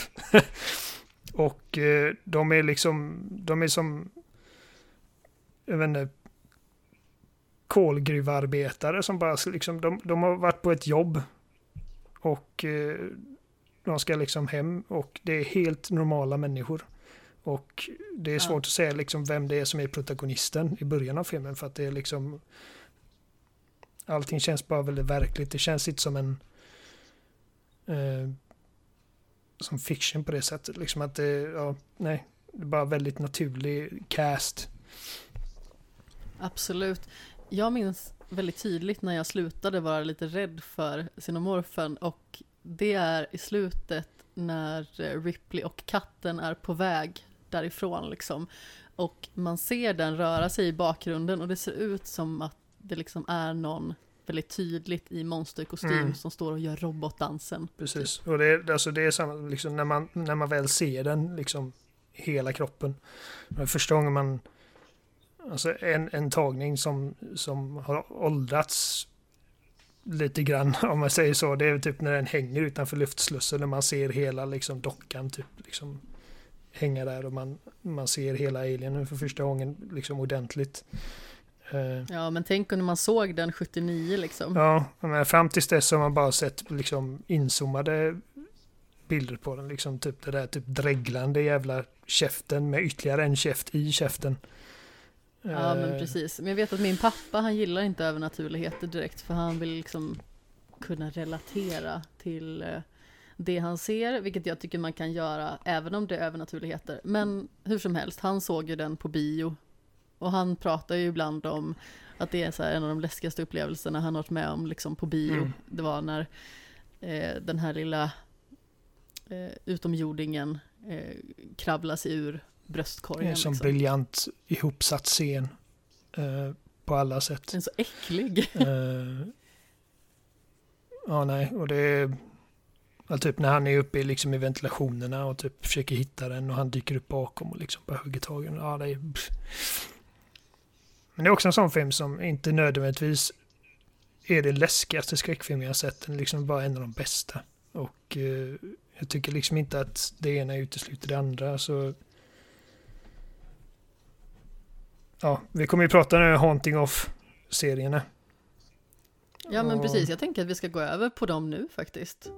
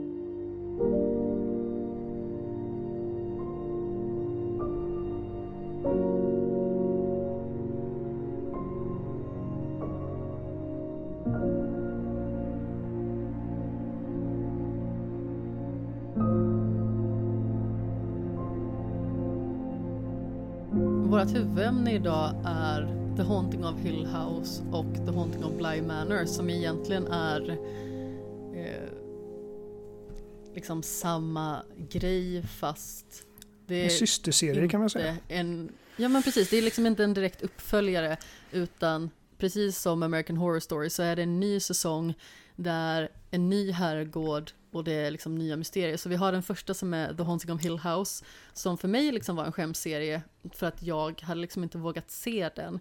Så jag såg den för några veckor sedan ihop med Jimmy. Vilket då var väldigt passande att vi såg den mitt i natten när vi hade varit ute och sett på ljus i Alingsås då i mörkret och sen så kom in och så somnade Jimmy såklart. Ja, Eh, han somnar alltid. Och då fick jag ju sitta och vara rädd i min ensamhet i stort sett. Som tur var låg han i mitt knä så jag kände mig ganska så trygg. Men det handlar ju i alla fall om en eh, familj med två föräldrar och fem barn som bor i ett hemsökt hus och det händer väldigt mycket hemskheter. Alltså det är mer obehaglig skräck. Och mitt i natten så samlar pappan ihop alla barnen och de måste fly därifrån och lämnar mamman efter sig av okänd anledning. Så där har vi liksom första säsongen där, Hill House. Sen har vi Bly Manor som handlar om en au pair som kommer till ett hemsökt hus där hon ska ta hand om två barn som har förlorat sina föräldrar och den förra au pairen. Hon är också hemsökt av sitt förflutna eh, som bokstavligen förföljer henne då hela tiden. Eh, och det här är lite mer spökhistorieaktigt, men jag tänkte vi skulle ställa dem lite grann mot varandra och säga vad vi tycker. Och sådär. Hill House älskar jag. Jag har sett hela den serien fyra gånger om. Eh, Den är riktigt bra, men också så fruktansvärt vidrig. Just det här med hennes sömnparalys, eh, Mm. Nells sömnparalys, eh, påverkade ju mig riktigt starkt. För jag typ ryckte ju i Jimmys arm bara Hon har sömnparalys, hon har sömnparalys innan det liksom hade konstaterats då eh, av eh, den läkaren som blir hennes eh, fästman och eh, man sedan. Eh, att, ja, men det var verkligen riktigt starkt för mig då att det var exakt som man känner när man råkar ut för en sömnparalys. för mig, alltså, Fortsätt. om jag bara skulle säga liksom med ett ord vad båda de här serierna är uh, vidrig. Ja, ja den, den är vidrig i omgångar och den är läskig i omgångar. Men framförallt tycker jag att de är tragiska. Och Absolut, eh, mycket. det känner jag är liksom en stor anledning till att de har hängt med mig så jävla mycket. För att eh, jag blir liksom helt... Alltså vi snackar, vi, vi snackar spoilers eller? Ja, absolut. Alltså det här segmentet av skämshögen, där pratar vi väldigt fritt om allting. Så om det skulle vara så att man inte har sett The Haunting of Hill House eller The Haunting of Bly Manor och är orolig för att eh, stöta på liksom, avslöjande detaljer så borde man kanske stänga av det här segmentet och eh, ta sig an de serierna först innan man lyssnar vidare. Men eh, vi ska spoila rejält tycker jag, absolut. Det jag älskar med eh eh, Hillhouse. och liksom Mike Flanagans eh, arbete liksom överlag är liksom att han lägger väldigt mycket uppmärksamhet till vad de här läskiga sakerna betyder. För att det är liksom inte bara läskiga saker för läskiga sakers skull. Eh, vilket man ser ganska mycket av i liksom särskilt modern popcornskräck som alla de som klagar på att på att modern skräck är så dålig, det är, liksom, det är bara den typen av film de ser, typ som Truth or Dare. Liksom, uh, hela idén med den måste väl kommit upp till liksom att åh, det ser läskigt ut när jag ler på ett visst sätt i spegeln och så gör man en hel film kring det. Uh, de här är alla de här liksom spöklika typ vålnaderna eller de här liksom sakerna som de här karaktärerna hemsöks av innebär någonting och de har liksom en känslomässig liksom förankring i någonting. Och eh, det är läskigt när man från Nels perspektiv då eh, ser den här liksom bent neck lady de första gångerna. Och det är, liksom, det är fruktansvärt och liksom, bara för att det ser hemskt ut och man liksom sätter sig in i den situationen. Liksom, tänk om jag hade legat och sovit och liksom stirrar den jäveln på mig. Men för... Ja, eller hänger över ja. mig som eh, hon också gör en sekvens. Alltså, då höll jag ju på att lägga en liten aprikos. Fruktansvärt obehagligt var det. För mig, Bent Lady blir liksom som mest eh, Alltså den har mest slagkraft liksom. Alltså det blir som en en spark i pungen nästan när man inser att det är hon själv, alltså hon har sett sig själv. Liksom. Alltså detta är liksom din framtid i princip. Och eh, liksom, ja, precis, tra alltså. tragiken är det. Och liksom att det är det sista som går in i hennes huvud. Liksom insikten om att det är mig själv jag har sett genom alla dessa år. Det är liksom mig själv som jag har varit så rädd för eh, innan hon dör. Och det det är fantastiskt verkligen tycker jag. Alltså den uppnystningen och den desarmeringen av just det monstret. Liksom när hon får den här, vad ska man säga, livet passerar revy mm. Nästan. Eh, och går igenom alla de tillfällena som hon har sett den här spöklika karaktären och inser liksom att det är när jag tar mitt eget liv när jag har hängt mig liksom. Och det där, som precis. Det här sker. Och det är därför jag eh, eh, som i första avsnittet av Bly Manor när man ser henne liksom lämna sin lägenhet i USA eller vad det är. Nej, hon är i England. Ja, skitsamma. Det sista hon ser är liksom något, något spöklikt i spegeln med glasögon. Och redan där vet jag liksom att det där betyder någonting. Det är liksom inte bara någon random läskig grej som de har slängt in i filmen för att liksom för att skrämma publiken. Det där innebär någonting för henne. Och eh, det visar sig att det gör det också. Och eh, det är det jag respekterar väldigt mycket med båda de här serierna är liksom att de är så känslosamt laddade och och som jag sa förut, liksom att det, de bästa skräckfilmerna är liksom inte enbart skräckfilmer. Liksom, detta är liksom ett familjedrama i sin kärna. Och... Ja, de är inga skr regelrätta skräckserier, de är inte en dramaserier med skräckelement. Precis. Eh, exakt, och liksom det handlar om en familj som går igenom ett fruktansvärt trauma och vi får följa alla de här delarna av familjen genom deras liv. Ja, och inget är ju liksom placerat av en slump, utan allting har ju någon form av förankring eller betydelse. Så det är liksom inte bara det att här är ett monster, det gör dig rädd, utan det finns ju en anledning till att monstret är där. Ja, och... Eller spöket, eller om man ska säga vålnaden. Så att alltså, Haunting of Hill House, som sagt, i sin, i sin kärna så är det liksom en tragisk berättelse om en familj som har splittrats och liksom hur, hur alla de här olika personerna hanterar det traumat. Och eh, det är bara så jävla snyggt sammanvävt och liksom det, jag älskar alla karaktärerna och de är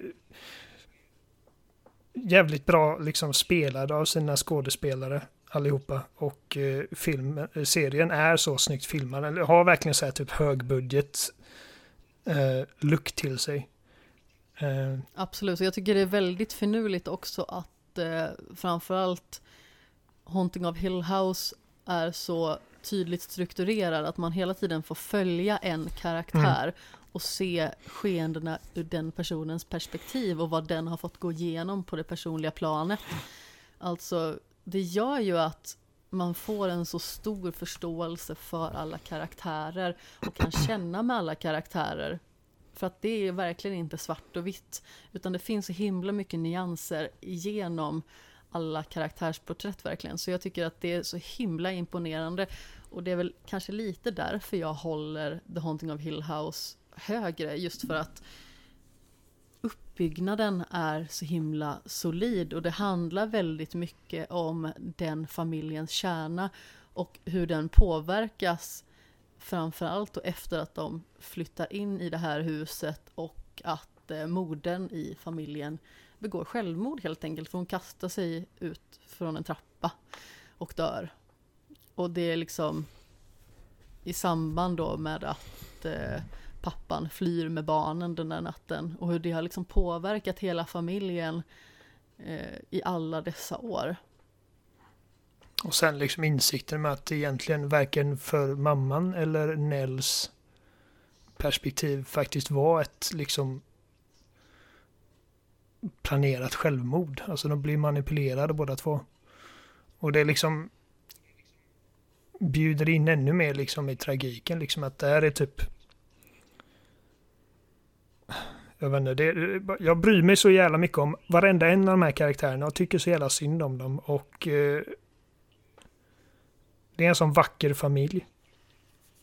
liksom, och de här två föräldrarna är sådana bra jävla föräldrar. Och de förtjänar inget av detta som händer dem. det liksom, det är bara, alltså, båda de här serierna gör mig så jävla ledsen. Och då liksom, precis som med eh, när vi såg klart Blind Man nu i helgen så liksom jag bara kände mig så jävla Även om det slutar liksom vackert. Båda de här serierna har liksom vackra slut men de är inte lyckliga. Alltså de är bitterljuva. Uh, ja, absolut. Det som jag tyckte var synd med Bly Manor det var att det kändes som att mysteriet var så himla mycket mer spännande när det just var ett mysterium. För när det började nystas upp så blev det nästan på gränsen till skrivning på näsan. Så det blev liksom lite för långt där nästan. Jag tyckte att jag hade velat behålla lite av mystiken för att den skulle hålla hela vägen. Men det är fortfarande en otroligt bra seriesäsong. Och jag vet många som liksom har tyckt att den var, var tråkig och repetitiv. Men jag håller absolut inte med. Både jag och Jimmy tyckte att det var superspännande att se den här säsongen och se allting nystas upp. Och sen så kändes det väl kanske lite konstigt när det kändes som att de nystade för mycket. Men jag, jag tror största problemet för Bly Manor är det att det kändes som att liksom då anledningen till att allt det här hände, det kändes som en tredje part som helt plötsligt bara kom in i slutet. Ja men precis den här eh... Liksom historien om huset och de här Mm. två ja, syskonen. jag håller med. För att, för att det var liksom så här att för att vi spekulerade ganska tidigt om att åh, det kan ha någonting med föräldrarnas död att göra och att den här eh, kvinnan Lady som kommer ut precis var liksom mamman för att de var ganska lika Ja, eh, när man inte kunde se hennes ansikte. jag men, antar att det är det man ska tro också. Precis. Eh, men sen liksom det här med, ja men det är liksom så att, för att så är det ofta eh, vanligt i typ eh, asiatiska skräckfilmer att liksom anledningen till att de här spökena kommer är för att det är någon hemsk tragedi och då liksom det gör att reglerna ändras. Och så, så kändes det lite här också liksom att den här tragedin som hon då, Lady in the Lake, har liksom utsatts för gjorde så att hon liksom helt i princip skapade sitt eget universum med, med egna regler som, som var väldigt bundna just till den specifika platsen. Men det är ju ingenting man liksom egentligen har märkt av under seriens gång, utan det bara kommer rätt och slätt ner i näst sista avsnittet. Mm. Så här är det nu, och därför är det som det är, vilket gör att de här personerna som är i det här huset, de har liksom bara råkat hamna här och det är därför de är i den situationen. Men just att det resulterar i att eh, au pairen till slut eh, bjuder in henne att liksom bosätta sig i hennes själ, eller vad man ska säga, och hemsöks av henne ända tills den dagen hon återvänder till Bly Manor och eh, begår självmord genom att gå ut i sjön. Alltså just det tycker jag är väldigt starkt och fungerar väldigt bra och är väldigt sorgligt, framförallt när hennes flickvän Jamie då, eh, som har varit trädgårdsmästare på Bly Manor, kommer dit och ser liksom att hon ligger på botten. Alltså det är väldigt träffande och starkt. Men eh, jag tycker ändå att det känns som att det kom lite från ingenstans. Just med den här eh, gamla berättelsen om syskonen som bodde där. Däremot så gjorde jag en spaning som jag tror att jag påminde dig om, Jimmy. Det här med liksom att man hade fått sett eh, Violas liksom minnessten där inne. Den reflekterade inte du över Ja, nej, precis, gången. men det är, det är typ enda gången vi också får se det. Det kan ju finnas sådana här ledtrådar som vi inte har reflekterat över. Så är det, men men jag känner liksom, liksom allt annat i mysteriet, det här med att barnen liksom de blir liksom övertagna av några andra andar eller vad som helst. Mm. Det var ju något som man liksom kunde lista ut på en gång. Eller inte på en gång, men liksom ganska tidigt, liksom att åh, det kan vara så här. Mm. Så att allt annat hänger ihop med varandra på ett sätt som det inte gör när Viola kommer liksom in i bilden.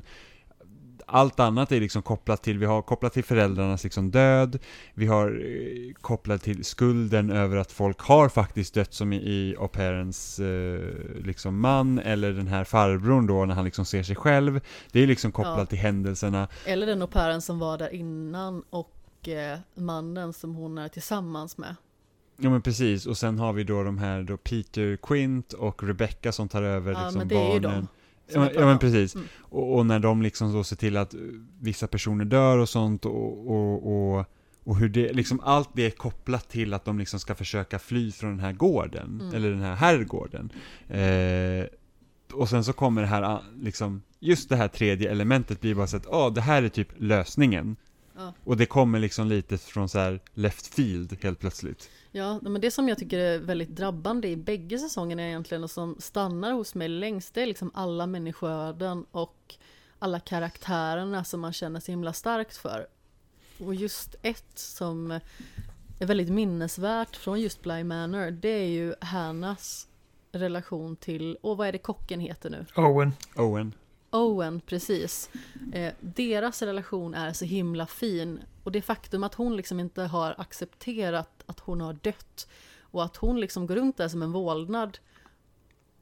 Alltså det är så himla sorgligt när man får veta det och man liksom bara slås först av tanken att de två kommer aldrig att få varandra. För att han är levande och hon är en vålnad som fortfarande är kvar där. Och hennes största önskan är egentligen att följa med honom till Paris där han liksom ska öppna en restaurang i stort sett.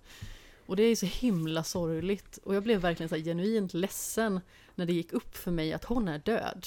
De kommer aldrig att få varandra. Ja, det mest fascinerande är att hon är ju, hon har ju i princip dött precis innan eh, au pairen kommer dit. Mm. Mm. Men ingen märker att hon är död.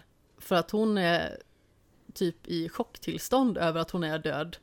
Så hennes vålnad syns för alla. För att hon har liksom inte accepterat att hon har dött. Men det... Något som inte jag vet liksom som förklarades ordentligt i, eh, i serien, det är ju eh, hon lilltjejens dockskåp. Ja, det tycker jag var synd att man liksom inte fick veta mer om däremot. För, att, för jag tänkte att, för att alla dockor som har i det skåpet är ju döda. Ja, eller de representerar någon som har dött. Ja, precis. Och det är bara det att hon har ju... För att de leker väldigt mycket med tiden, hon har ju också en docka av au pairen där. Ja, precis. Och det är liksom, är det någon sån här symbolik om att hon till slut kommer att dö i Bly Manor, för det är det hon faktiskt gör. Men då är så här frågan, är Jamie, har hon en docka där? Eller är den borta, har Owen en docka där, eller är den borta? För de dör ju faktiskt inte på herrgården. Vad vi vet. Vad vi vet, precis. Eh, och, För att Owen, han åker till Frankrike och Jamie och Danny åker till USA och bor där ända tills Danny återvänder och tar sitt liv. Jag fick inte för mig att läsa in något särskilt i dockhuset, liksom att det skulle vara någon form av typ... Men det var så spännande ju. ja men dockhu, dockhuset, alltså varenda docka som hon hade där var ju vålnader som man fick se någon gång under liksom Jo, eh, Ja, men precis. men jag bara, alltså jag bara uppfattar det som att hon har liksom en docka för folk hon har sett i det här huset.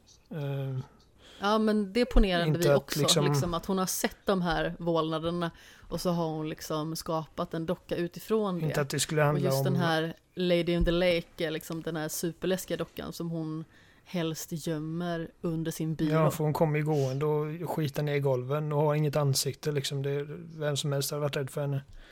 Eh, Alltså eh, usch, usch, obehaglig karaktär. Så att jag, jag tror inte att det har någonting att göra med att hon typ förutsåg att Danny skulle dö där. Eh, Nej, nej, men jag, jag, jag säger inte att flickan förutsäger att det har gjort, utan jag tror att det är ett sätt för series, alltså serieskaparna att liksom visa vilka som faktiskt är döda eller Att kommer dö på, på på herrgården.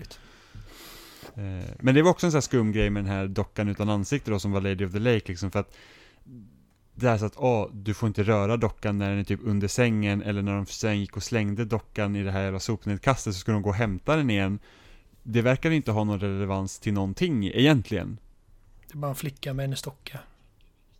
Ja men precis, liksom va- varför fick man inte röra dockan? Var det för att hon var extra rädd? För, för att den, den verkar inte ha någon koppling med hur liksom hon rör sig då genom Nej. huset. Nej, jag trodde att anledningen från början till att hon la den under byrån var liksom att det skulle skydda på något vis. Liksom att hon är undanskuffad på natten. Så att hon inte kan röra dem. Så trodde jag liksom att det skulle vara. Eller någonting sånt från början. Men eh, jag antar liksom att det är kanske bara ett barns fixidé i kombination med skräcken liksom Mm. för den faktiska vålnaden. Vilket man kan förstå, för jag hade ju... Jag vet inte, jag hade nog dött av skräck om jag hade sett Lady in the Lake fan, i jag verkligheten. är Ja, jag Alltså, jag skulle aldrig våga mig röra mig i det där huset. Så här, hjärtstillestånd hade jag fått. Helt klart. Men jag måste ändå säga också att stor eloge till hon som spelar flickan. Flora Mm. hette hon. Ja, Alltså fantastisk otroligt barnskådespelarinsats. bra eh, som hade gjort det för att hon var ju liksom så himla men liksom bara språket och så här. och just det här att hon ska liksom, de har tränat i att allt ska vara så bra hela tiden, att det liksom, alltså för henne liksom blir det ju verkligen överdrivet åt det hållet. Mm. En så här perfectly splendid hela tiden. Jag tycker, Ja, alltså, hon är så fantastiskt lillgammal. jag tycker Ja. även Miles skådespelare var duktig. För att jag, jag kunde liksom märka att han pratat som ett barn just nu. Liksom, han, han är obehaglig. Och det är ju de gångerna som, alltså vi Ja. visste ju inte det då, Ja. men liksom, Som Peter Quint har Precis. tagit över honom ja. och vi förstod inte det då, men det, det påminner mig om, jag vet inte om ni sett filmen Orphan. Nej, Ska jag, ska jag, nej, nej, ska jag har inte heller sett den. Jimmy skakar på huvudet. Det är Eh. väldigt svårt att höra det i podd. Ska jag spoila den eller ska jag rekommendera att ni ser den?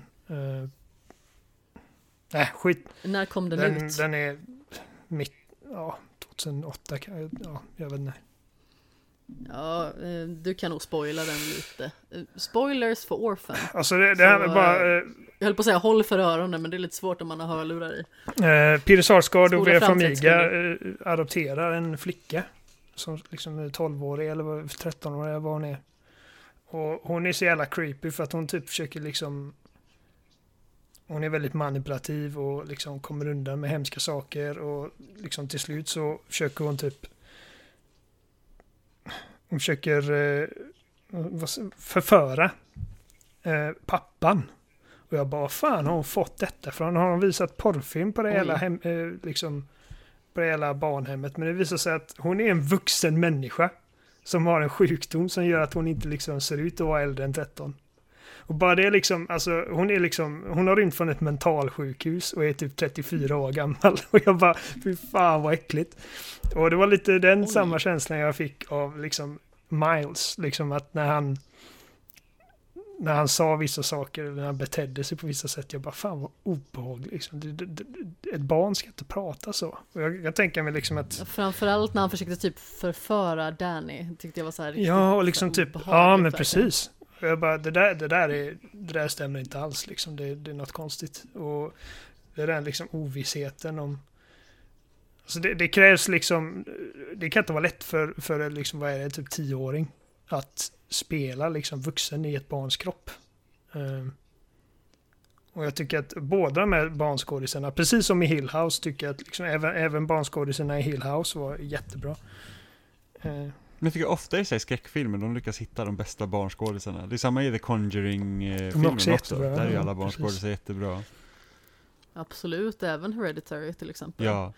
Och eh, vad har vi Och mer? gud, alltså apropå The Hereditary, alltså när hon blir av med huvudet där mitt i Ja. filmen. Vilken alltså, jag- chock! Alltså jag tror jag, för det är så himla, o- det är ju oväntat om något. Det, Ja. Det är liksom bara såhär bara, alltså är den här ungen död nu som man liksom trodde skulle typ vara the endgame i filmen för att hon var så himla märklig? Och sen in, och inte bara det, ingen pratar om det i filmen på hur länge som helst. Man vet att det där bara ligger liksom och, och, och liksom gror i den här familjen och ingen säger någonting. Alltså det gjorde mig också så himla nervös. Jag får liksom, hallå, prata med varandra. Den scenen, Ja, eh, det var när vi såg den på bio, jag och Jenny, och det var, det var precis i den scenen som jag liksom, jag tror att jag förälskade mig i den här filmen lite, för att jag, alltså jag bara satt och gapade. Liksom, alltså, jag tror att, ja. liksom, jag fick ju med liksom en så här, liksom ofrivillig flämtning, typ, du vet. Eh, och alltså den scenen är så fruktansvärt snyggt ihopsatt också, för att de, de hade kunnat göra det liksom komiskt. Liksom, åh, någons huvud flyger av, du vet. men, men det är bara, alltså, det är nog alltså förmodligen den bara liksom mest ångestladdade scenen i hela filmen och det är en väldigt ångestladdad film. Eh, för att liksom i vad som känns som en evighet så vilar kameran bara på han liksom när han sitter i bilen och vägrar kolla bakom sig för att han kan liksom inte ens han klarar inte av liksom att, att titta bak för han vet vad som har hänt liksom. Han kan inte titta på det. Och är helt i chocktillstånd och liksom han bara kör hem liksom. Han, han, han, han lämnar bara kroppen i bilen och går och lägger sig liksom och bara jag kan inte hantera detta. Liksom, det var bara, ah, Överbelastning. fy fan, vilken, vilken bra scen. Och Tony Colletti också. Tony Colletti är helst. Hon är fantastisk. ruskigt bra i allt. Alltså hon är, alltså hon kan typ vara en av vår tids bästa skådespelare i liksom. Absolut. Jag blev grinig över att hon inte fick en Oscars-nominering för Hered- Hereditary. Eh, Ja, det är väldigt märkligt faktiskt, för hon gör en fantastisk Hon har världens bästa liksom ugly face. Eh, utan att liksom få det att se liksom tillgjort ut. Ja, men sen så hon har så brett spektrum i vilken typ av karaktär som hon kan Ja, spela. Hon Nu menar jag inte ugly face för att hon är ful. Men det, alltså du vet den scenen liksom när, när, när hon sätter eld på sin man utan att inse det. Man kan se Hon liksom bara typ, hela hennes ansikte är bara liksom förvridet i fasa liksom. Och det är liksom sådana Mm. såna grejer kan, kan också ofta bli liksom komiska. Eh, men så här, Ja, apropå ansiktsuttryck så har vi ju eh, Uncle Henry till exempel i Bly Manor som eh, har liksom en, en ond tvilling som hemsöker honom i stort sett. Och det leendet, alltså jag trodde Jimmy skulle kissa ner sig varje gång som Ja men det var ju så den karaktären kom in i bild liksom. det, eh, det var sjukt obehagligt, Sen man säger, det är en ganska allvarlig situation och sen är det bara liksom någon galning som bara står och ler liksom. den, den tror jag är den aspekten som, jag, som inte riktigt funkar för mig för jag tyckte det såg mest komiskt ut. Eh, och för att det, det där är bara liksom är ett så här- figment av hans typ fantasi. Liksom. Alltså, Jo, jo men alltså det är, det är precis, alltså det är de två spökena som egentligen inte existerar i Bly Ja, Manor. Det är ju hans liksom syn på sig själv och eh, Dannys liksom fästman som är liksom bara hennes Mm. undermedvetna som liksom känner som en enorm skuld. Och det är samma sak det han gör, han känner också en enorm skuld över liksom att givetvis. de här två liksom föräldrarna till barnen, de reste ju bort på grund av att liksom han hade varit med Ja. frugan då, så att säga. Och, alltså, och Mm. när man får reda på liksom att, att han har haft, haft en affär med henne, liksom, då, då blir det liksom tydligt för mig varför han inte är med ungarna. För att han liksom han klarar inte av det helt enkelt.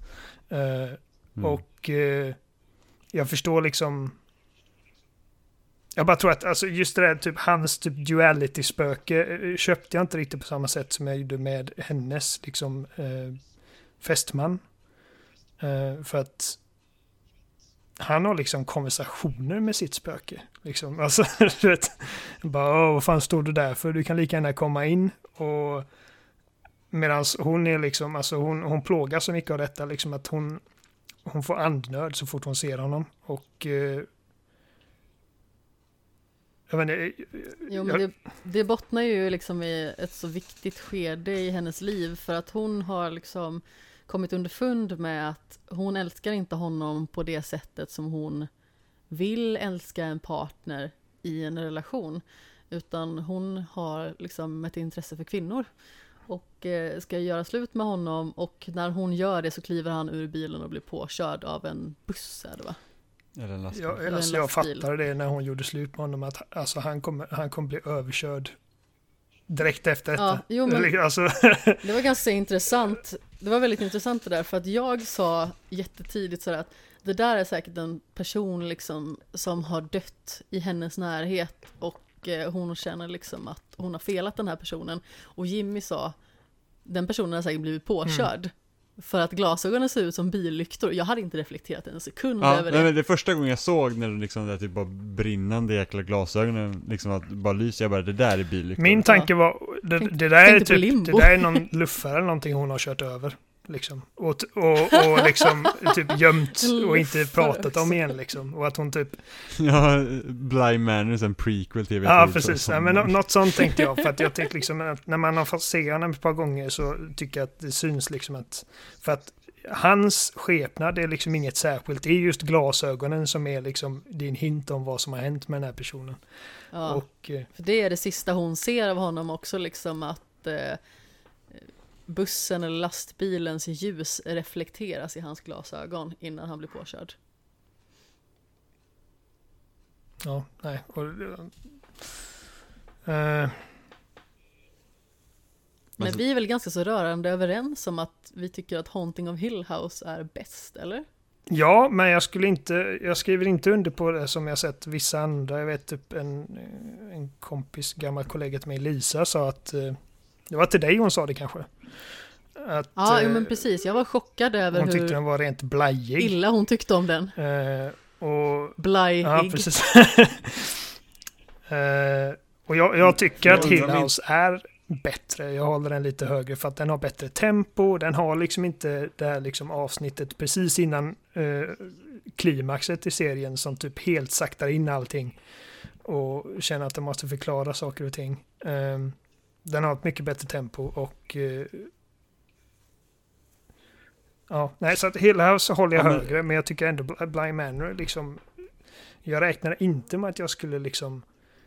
Eh, för att när jag hörde att de skulle göra liksom en uppföljare, man ska säga. Det, det är ju, alltså det var ju tydligt från början liksom att det inte skulle vara en uppföljare på samma berättelse, men ja.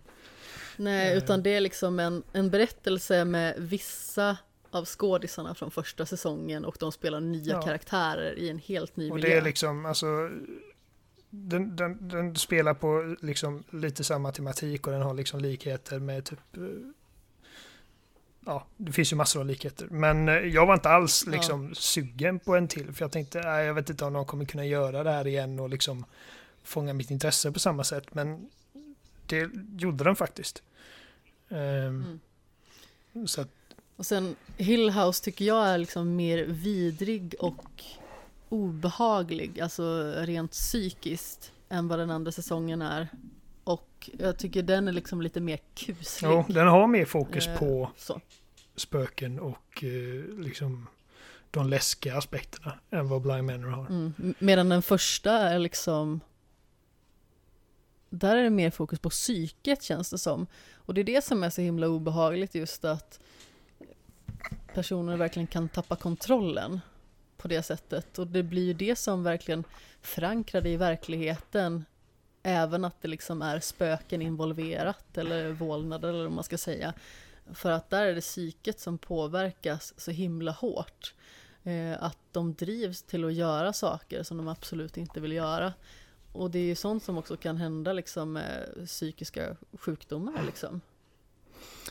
Jag tror största problemet för Bly Manor för min del är ju det att den är spretig. För det finns liksom tre olika instanser av då läskigt om man säger så. Du har ju liksom de här personliga spökena som egentligen inte spelar någon större roll i det stora hela egentligen. För det, det säger någonting om personerna som de liksom hemsöker. Men det är liksom Mm. så att det är en del som där som att åh, det är lite läskigt, men det har liksom inte med det hela liksom läskiga narrativet att göra egentligen. Det har inte någonting med den centrala konflikten eller Nej, precis. Och sen, och sen har du ju då de här Peter Quint och Rebecca liksom som, som, eh, Är fast på Bly Manor. som är fast på Bly Manor och deras liksom mål är då att ta sig ut, som är liksom då, kan säga, huvudmysteriet liksom. Och, och, och det knyts ju liksom an till liksom huset om man säger så. Och sen har du den här liksom tredje grejen som liksom kommer in så här i slutet bara så att så här ligger det till, som också kändes liksom nästan helt lösryckt från resten. Så det gör liksom att det är väldigt mycket som pågår samtidigt, vilket gör att det är lite svårt att hålla liksom koll på allt. Ja, alltså man blir ju lite kollare i bollen faktiskt över allting som man måste hålla koll på.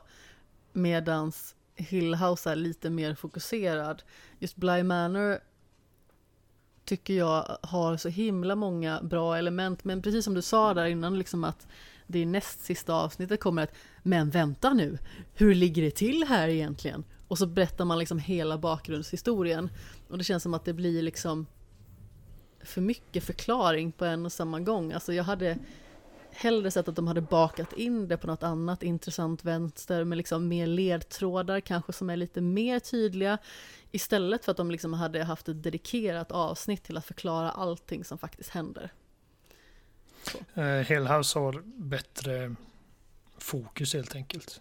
Och, uh, ja, absolut. Och det, liksom, den förklaringen, om man ska säga bakgrunden till allt det hemska som händer i Hill House, det är liksom lite, lite mer, eller lite, betydligt mer liksom, uh, ska man säga, sömlöst implementerat i uh, den centrala liksom, handlingen. Att vi, vi tas aldrig bort ur perspektivet från de vi faktiskt bryr oss om. Nej men precis och det har en väldigt tydlig förklaring till katalysatorn i Hill House. Och jag respekterar liksom att eh, de med denna serien då försökte försökte liksom leverera den bakgrundsinformationen på ett annorlunda sätt för att de inte ska liksom upprepa sig. Eh, och det är liksom det är ett snyggt filmat avsnitt och liksom det här med, jag tycker eh,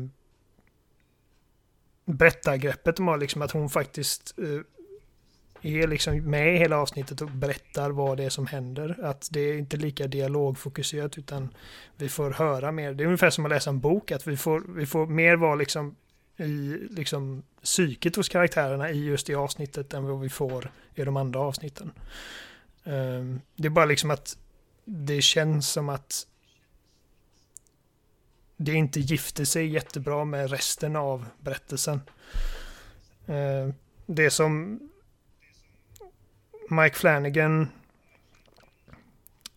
förstår och det som jag känner liksom är typ den största eh, anledningen till att jag tycker om hans grejer så jävla mycket är liksom att han en spökhistoria är liksom inte bara en bra eh, eller en bra spökhistoria, en bra skräckhistoria är inte bara liksom en, ett liksom effektivt läskigt narrativ utan det är en bra historia i första hand. Och alla de läskiga grejerna lägger man till eh, i andra hand. Och eh,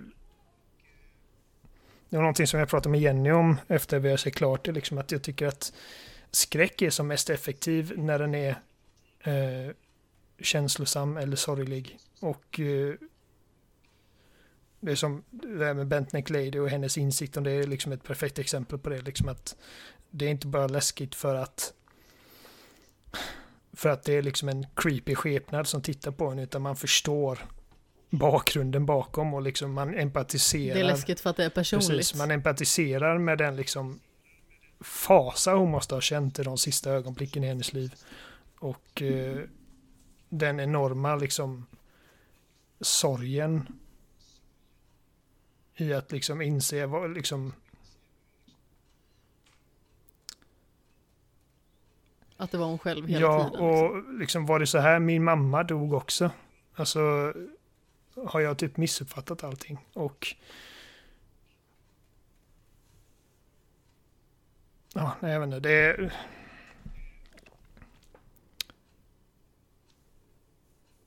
Jag tappar tråden helt och hållet. Uh, Haunting of Hill House och Haunting of Bly Manor är inte bra för att de är liksom läskiga. De är bra för att de är liksom bra historier. Och... Eh, det är jättebra historier. Och, ja. Vi pratade om det också, liksom att det är så himla mysigt med de här två stycken separata säsongerna som berättar just sin egen historia. Jag tycker ju liksom att American Horror Story började någonting ganska så spännande där, fast jag tycker absolut inte att de två och en halv, tre säsongerna eller vad det är jag har sett där har haft lika hög klass som det här. Jag tycker att det här håller så otroligt hög klass. Skådespeleriet är fantastiskt, jag älskar berättelserna. Och jag förstår liksom inte hur folk kan tycka att det här är tråkigt. Alltså det var ju någon som eh, påpekade liksom att Bly Manor var tråkigt. Och att eh, personen i fråga liksom hade spolat fram och spolade sig igenom ja. serien. Då känner jag att då kan man ju lika gärna strunta i att se den kanske. Jo. För att man förlorar ju så himla mycket där. Men det är det jag menar, liksom att det är så många som tittar på skräck eller konsumerar skräckmaterial på helt andra villkor än all annan media. Liksom att ifall du inte typ är ständigt on edge så är det liksom inte värt att kolla på eller läsa eller spela eller whatever. Och jag håller inte med om det överhuvudtaget. Um, jag blir ju liksom inte konstant skrämd när jag ser det här, men jag sitter hela tiden på nålar för att jag känner liksom att det är någonting som lurar i bakgrunden hela tiden. Och i och med att jag är en sån fegis som jag är så satt jag ju typ med ena handen framför mig och kollade liksom genom en glipa mellan fingrarna i stort sett. Ja, och för, för mig, alltså jag sitter som på nålar, inte bara för att jag är rädd för att det ska hända något läskigt, utan för att jag är bara väldigt engagerad i de här karaktärerna och vad de går igenom. Oavsett det om det liksom har med det läskiga att göra eller inte. Uh, nej, det är, alltså, det är någonting som i slutet när det liksom uppdagas då att hon som berättar allting det är ju Jamie. Hon kanske inte heter, hon heter förmodligen inte Jamie på riktigt, precis som Flora inte heter Flora egentligen och hennes andra namn Miles heter förmodligen inte Miles. Och någonting jag reagerade mm. på först är liksom att ingen av de här karaktärerna ser ut som de versionerna vi har sett under berättelsens gång, men det är liksom, alltså det här är hennes retelling av det för att Alltså hon har liksom ändrat grejer, hon har ändrat namn, hon har ändrat liksom saker hit och dit. Eh, för att det liksom inte ska framgå ja. liksom att detta är, detta är er jag pratar om. Eh, men när hon ja, säger liksom, jag tycker inte precis. att det är en spökhistoria, det är en kärlekshistoria. Och hon säger, vad är skillnaden? Och det är det jag känner Mike Flanagan är så jävla bra på, för att liksom en spökhistoria kan vara så jävla många olika saker. Ett drama, en romans, en tragik. Liksom. Det finns bra liksom, skräckkomedier också. Det finns bra actionskräck. Det finns, liksom, det finns så många olika sätt att implementera läskiga saker på i alla möjliga olika sorters media och genrer. Uh, mm. Jag tycker, alltså Mike Flanagan är, alltså, som sagt, jag, jag tittar på, alltså, ifall hans namn är på det så kollar jag på det. Det första jag såg med honom var Hush på Netflix. Uh, ja just det, ja, men den var också hyfsat bra. Jättesimpel premiss som helt vänds upp och ner på och liksom, liksom undkommer alla de här klyschiga grejerna som vi har sett hundra miljarder gånger bara genom att göra protagonisten smart och döv. Att hon liksom ja. hela tiden måste förhålla sig annorlunda till det här hotet som vi har sett i en miljon olika skepnader genom åren i olika filmer och grejer. Eh, bara för att hon är liksom, hon har en funktionsnedsättning. Eh, och ja. liksom och, allting han har gjort håller inte samma klass. Jag vet typ Before I Wake tycker jag är en okej okay film, men inte fantastisk. Uh, Gerald's Game tyckte jag om. Den har jag också sett och tyckte också var Och det är kul att se liksom att han har liksom sin typ sfär av skådisar som han gillar att liksom arbeta med. Och han som spelar ja, Henry och pappan i Hill House. Det är ju alltså lilla pojken i E.T. för övrigt. Ja, som också då är liksom eh, hennes, är det styvpappa? Ja, pappa eller styvpappa. Eller riktiga pappa i Geralds Game. Och hon som spelar mamman i Hill House och som spelar Jamie i Bly Manor. Eller Jamie när Ja. hon är äldre då. Det är ju hon som spelar Precis. huvudrollen i Gerald's Och Carla. Gugino hon har gjort, huvudrollen. som hon heter, skådisen, är, hon har gjort liksom, Mm. i alla fall vad jag har sett, alltså hennes absolut bästa verk under hans re- regi. Eh, för att jag har sett henne i en del skräp alltså. Och det- hon har liksom, jag menar, det första jag såg henne var Spy Kids och det är ju liksom, det är en barnfilm givetvis, men sen typ som San Andreas och ja. Hon har inte alltid varit den mest liksom övertygande skådisen, men liksom med honom så är hon en stjärna alltså. Och Hon som spelar huvudrollen i Hush spelar ju också mellansystern i precis, hon är, Och även Viola i... ehm, ja, Bly hon är gift med Mike Flanagan också. Så Jaha, okej. hon är med i, även i Oculus som han har gjort. Har inte sett. Eh, är en väldigt liten roll, hon är ett spöke typ i bakgrunden någon gång. Oculus är också en bra, liksom, mer av typ det moderna liksom skräckfilmshållet liksom. Eh, simp, jättesimpel premiss, en ond spegel. Som har krossat en familj. Och eh, liksom 15 år senare eller vad det nu är så ska liksom de här två nu föräldralösa barnen liksom bevisa att det var spegeln som fick deras pappa bli galen och döda deras mamma. Eh, Okej. Vad obehagligt. ja. Eh, så den, den kan jag också rekommendera ifall man tycker om hans övriga grejer. Mm. Men kontentan här är väl egentligen att vi rekommenderar att man ska se både Hill House och Bly Manor. Eller i alla fall jag, jag tycker ju att eh, just det här med att karaktärerna verkligen hänger kvar hos en. Man uppskattar karaktärerna och även att de spelas av samma skådespelare i vissa fall. Eh, precis som det gör i American Horror Story. Det är vissa skådisar som återkommer. Så tycker jag att man lyckas knyta an till karaktärerna även att de spelas av samma skådespelare. Jag, jag tycker att det funkar jättebra. Det funkar jättebra. Och, s- alltså det är särskilt två skådisar, eh, jag kommer inte ihåg dem, men han som he- spelar dels Henry, alltså pappan i Hill House och eh, farbrorn i um, Bly Bly Manor. Manor. Och eh, han som spelar Peter Quint. Och Luke då, den eh, Precis. Eh, drogberoende eh, tvillingbrodern till eh, Nell som eh, begår självmord. Henry Thomas heter eh, pappan och Oliver Jackson Cohen heter... Vad hette han nu igen i Hill House? Luke. Luke, och de är liksom, precis. alltså de är så olika från deras liksom olika ja, versioner i Hill House och, och, och Blind Man. Att det är nästan som, jag känner knappt igen dem. Och det, det beror ju mycket på att de har liksom så här riktigt breda brittiska eh, dialekter.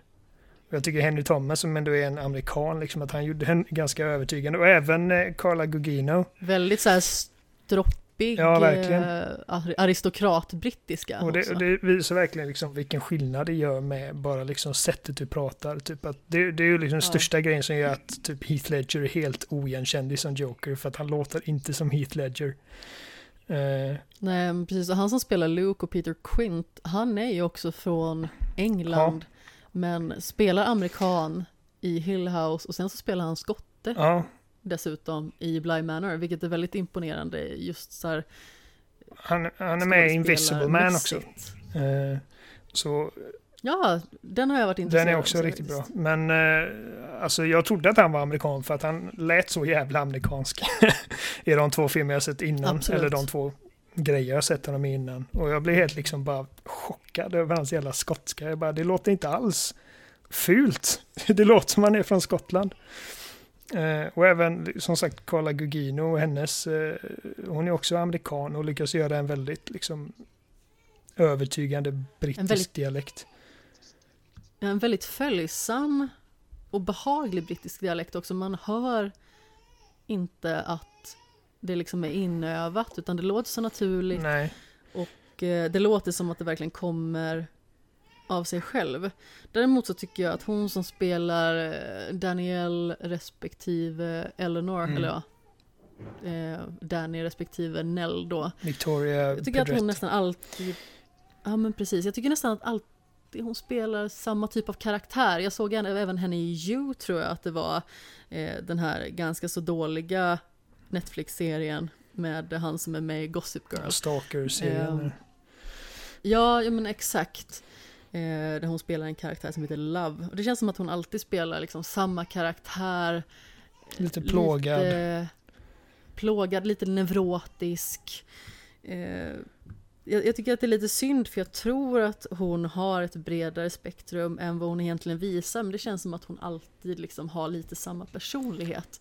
Och jag tycker att det är lite synd. Sen så tycker jag nog att i Bly Manor så tycker jag att hennes skådespelarinsats är lite blaha faktiskt. Jag, jag tycker att hon gör en mycket bättre skådespelarinsats i Hill House, helt klart. Okej, jag tycker hon är riktigt bra i båda två. Och alltså, jag kollar upp henne, hon är född 95. Va? Ja, är det sant? Hon är yngre än, än, oss allihop. Ehm, Ja. Oj, ja men det kan man inte Nej. tro. Eh, Men det är väldigt svårt att eh, se folk utifrån på det sättet Mm. och eh, sedan liksom tänka sig att de är yngre än vad man själv är. Man tänker ju att folk är äldre än vad man är. ja, alltså som sagt. Det är samma sak med fotbollsspelare till exempel. Jag har jättesvårt att se vissa fotbollsspelare och så säger någon, ja men den här fotbollsspelaren är 16 år och man bara så tappar hakan. Bara så här, ursäkta mig, den här personen är född 2004 alltså menar du och eh, Alltså det finns ju inte folk som på riktigt är födda på 00-talet känner jag. Nej, precis. Ja, men alltså, det var ju som när jag, jag fick liksom en existentiell chock typ, tw- 2018 när jag var 28 och insåg att jag är nu lika gammal som Heath Ledger var när han dog. Det, det, var, det var en chock Oj. till systemet. Alltså, jag är äldre än... Ja, Ja men vi håller ju på att kolla på vänner nu och vi är ju äldre Ja. än vad de är Ja. i de säsongerna vi är Ja. på just nu. Och det är bara så här att de känns mycket äldre än mig själv nu också. Ja, jag håller definitivt med. Men det är väl för att man har liksom sett dem ur det perspektivet så himla länge. Ja, men det är verkligen skitskumt liksom. De ska vara typ 24-25 år i första säsongen och man säger bara ja, jag är snart 30. Ja, du är ju snart 30. jag är 30. Eh, nej men alltså, ja det är du. Ja, bara hopp i kistan Oliver. Men just vänner, alltså det handlar ju väldigt mycket också om att det är så tidstypiskt när man ser serien, liksom det är så tydligt vart den kommer ifrån. Och när serien började så var vi bara små kamelfisar. Ja, ja. Jag menar, när började Vänner? 90, 94. 94, då var jag två år, Jimmy var tre och eh, Oliver fyra liksom. Så, Mm. Mamman i sina bästa år. ja Jag precis. tillägger det att hon som spelar Flora, ung, ja, lilla flickan, hon är väl rösten Mm. till Peppa Pig. Vem? Peppa Alltså, Pig. men alltså hon kan inte, hon kan, hon kan inte varit Peppa Pig hela tiden. Hon är så gammal är inte hon. Eh, ska se, heter den Peppa Pig på svenska också? Nej. Eller? Skitsamma, jag vet inte. Bäst, bästa klippen med Peppa Pig det är, det är när de ska förklara vilken musik. Greta Gris. Ja, så kanske hon heter. Ja, precis. Eh, Det roligaste klippet jag har sett med Peppa Pig det är när de säger typ att åh vad lyssnar du på för musik? Så jag, bara, jag lyssnar på det här, det är väldigt vuxet och så har någon bytt ut den riktiga låten till något från Hotline Miami istället. Det tycker jag är så himla roligt. Nej, bara Jenny, Jenny fick lite typ så här. Hon fick lite spel när hon insåg det. Hon bara, jag känner igen rösten. Jag har aldrig sett Peppa Pig, men ja. Nej, inte jag heller. Men har vi något mer att tillägga om Hill House eller Nej. Bly Manor? Kolla på Hill House ifall du gillar den typen av, eh, av eh, ska man säga, skräck, historieberättande. Så kolla Bly Manor. Ja, men kolla på båda två om du liksom gillar att eh, kunna knyta an starkt till Ja. karaktärer. För det tyckte jag att man gjorde i båda. Det finns alltid någon som man liksom tyr sig till. Absolut. Men jag känner ifall, ifall Hill House inte gör någonting för dig så, så tror jag inte att Bly Manor kommer göra det heller. Men eh, Förmodligen inte. eh, så börja med den. Den Nej. är, Även jag som liksom inte är någon skräckfantast på något vis tycker ju att de var jättebra, Mm. verkligen. Uppskattar dem otroligt mycket. Men eh, vi tre kommer ju höras mer i spelsnack framöver, precis som vanligt. Men Oliver, vart finner man dig? Eh, vanliga fall. Alltså, Twitter är väl enklast, bara Oliver Thulin. Det är lätt att komma ihåg. Oliver Thulin med TH. Annars så, nej, det är väl där jag är. Twittrar om film, Ja. och spel och lite blandade små Och hopp. eh, alla över republikaner och Donald Trump och SD. Det är viktigt. Ehm, Man behöver det i sitt flöde. och som sagt spelsnack. Det är de två man hittar oss allihop på. Precis. Jimmy, vart finner man dig? På samma kanal som Oliver.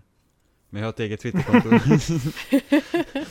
på Seppala13, jag tweetar väldigt sällan. Jag tweetar ofta numera när jag recenserar saker eller när det är dags för spelsnack. Jag har inte tid att hålla på och uttrycka mina åsikter. Du har så mycket så det är lika bra att du bara håller på allihop. Ja, jag känner det. Jag skriver på loading.se, det måste jag nämna. Det. Ja, jag skriver också på loading.se, jag håller till i spelsnack och eh, på sociala medier heter jag snabla kapten Sten, Sten med två E. Och eh, skämshögen går att finna på Twitter och Instagram i form av snabla skamshogen. Finns även på Facebook, där poddar finns i allmänhet och eh, ja, jag eh, laddar om tillsammans med Jimmy här för att spela in ett avsnitt imorgon faktiskt för att bryta illusionen lite grann. Så då har vi eh, nya gäster att eh, ta oss an. Men vi tre kommer ju höras i ett poddrum väldigt snart Ja. igen.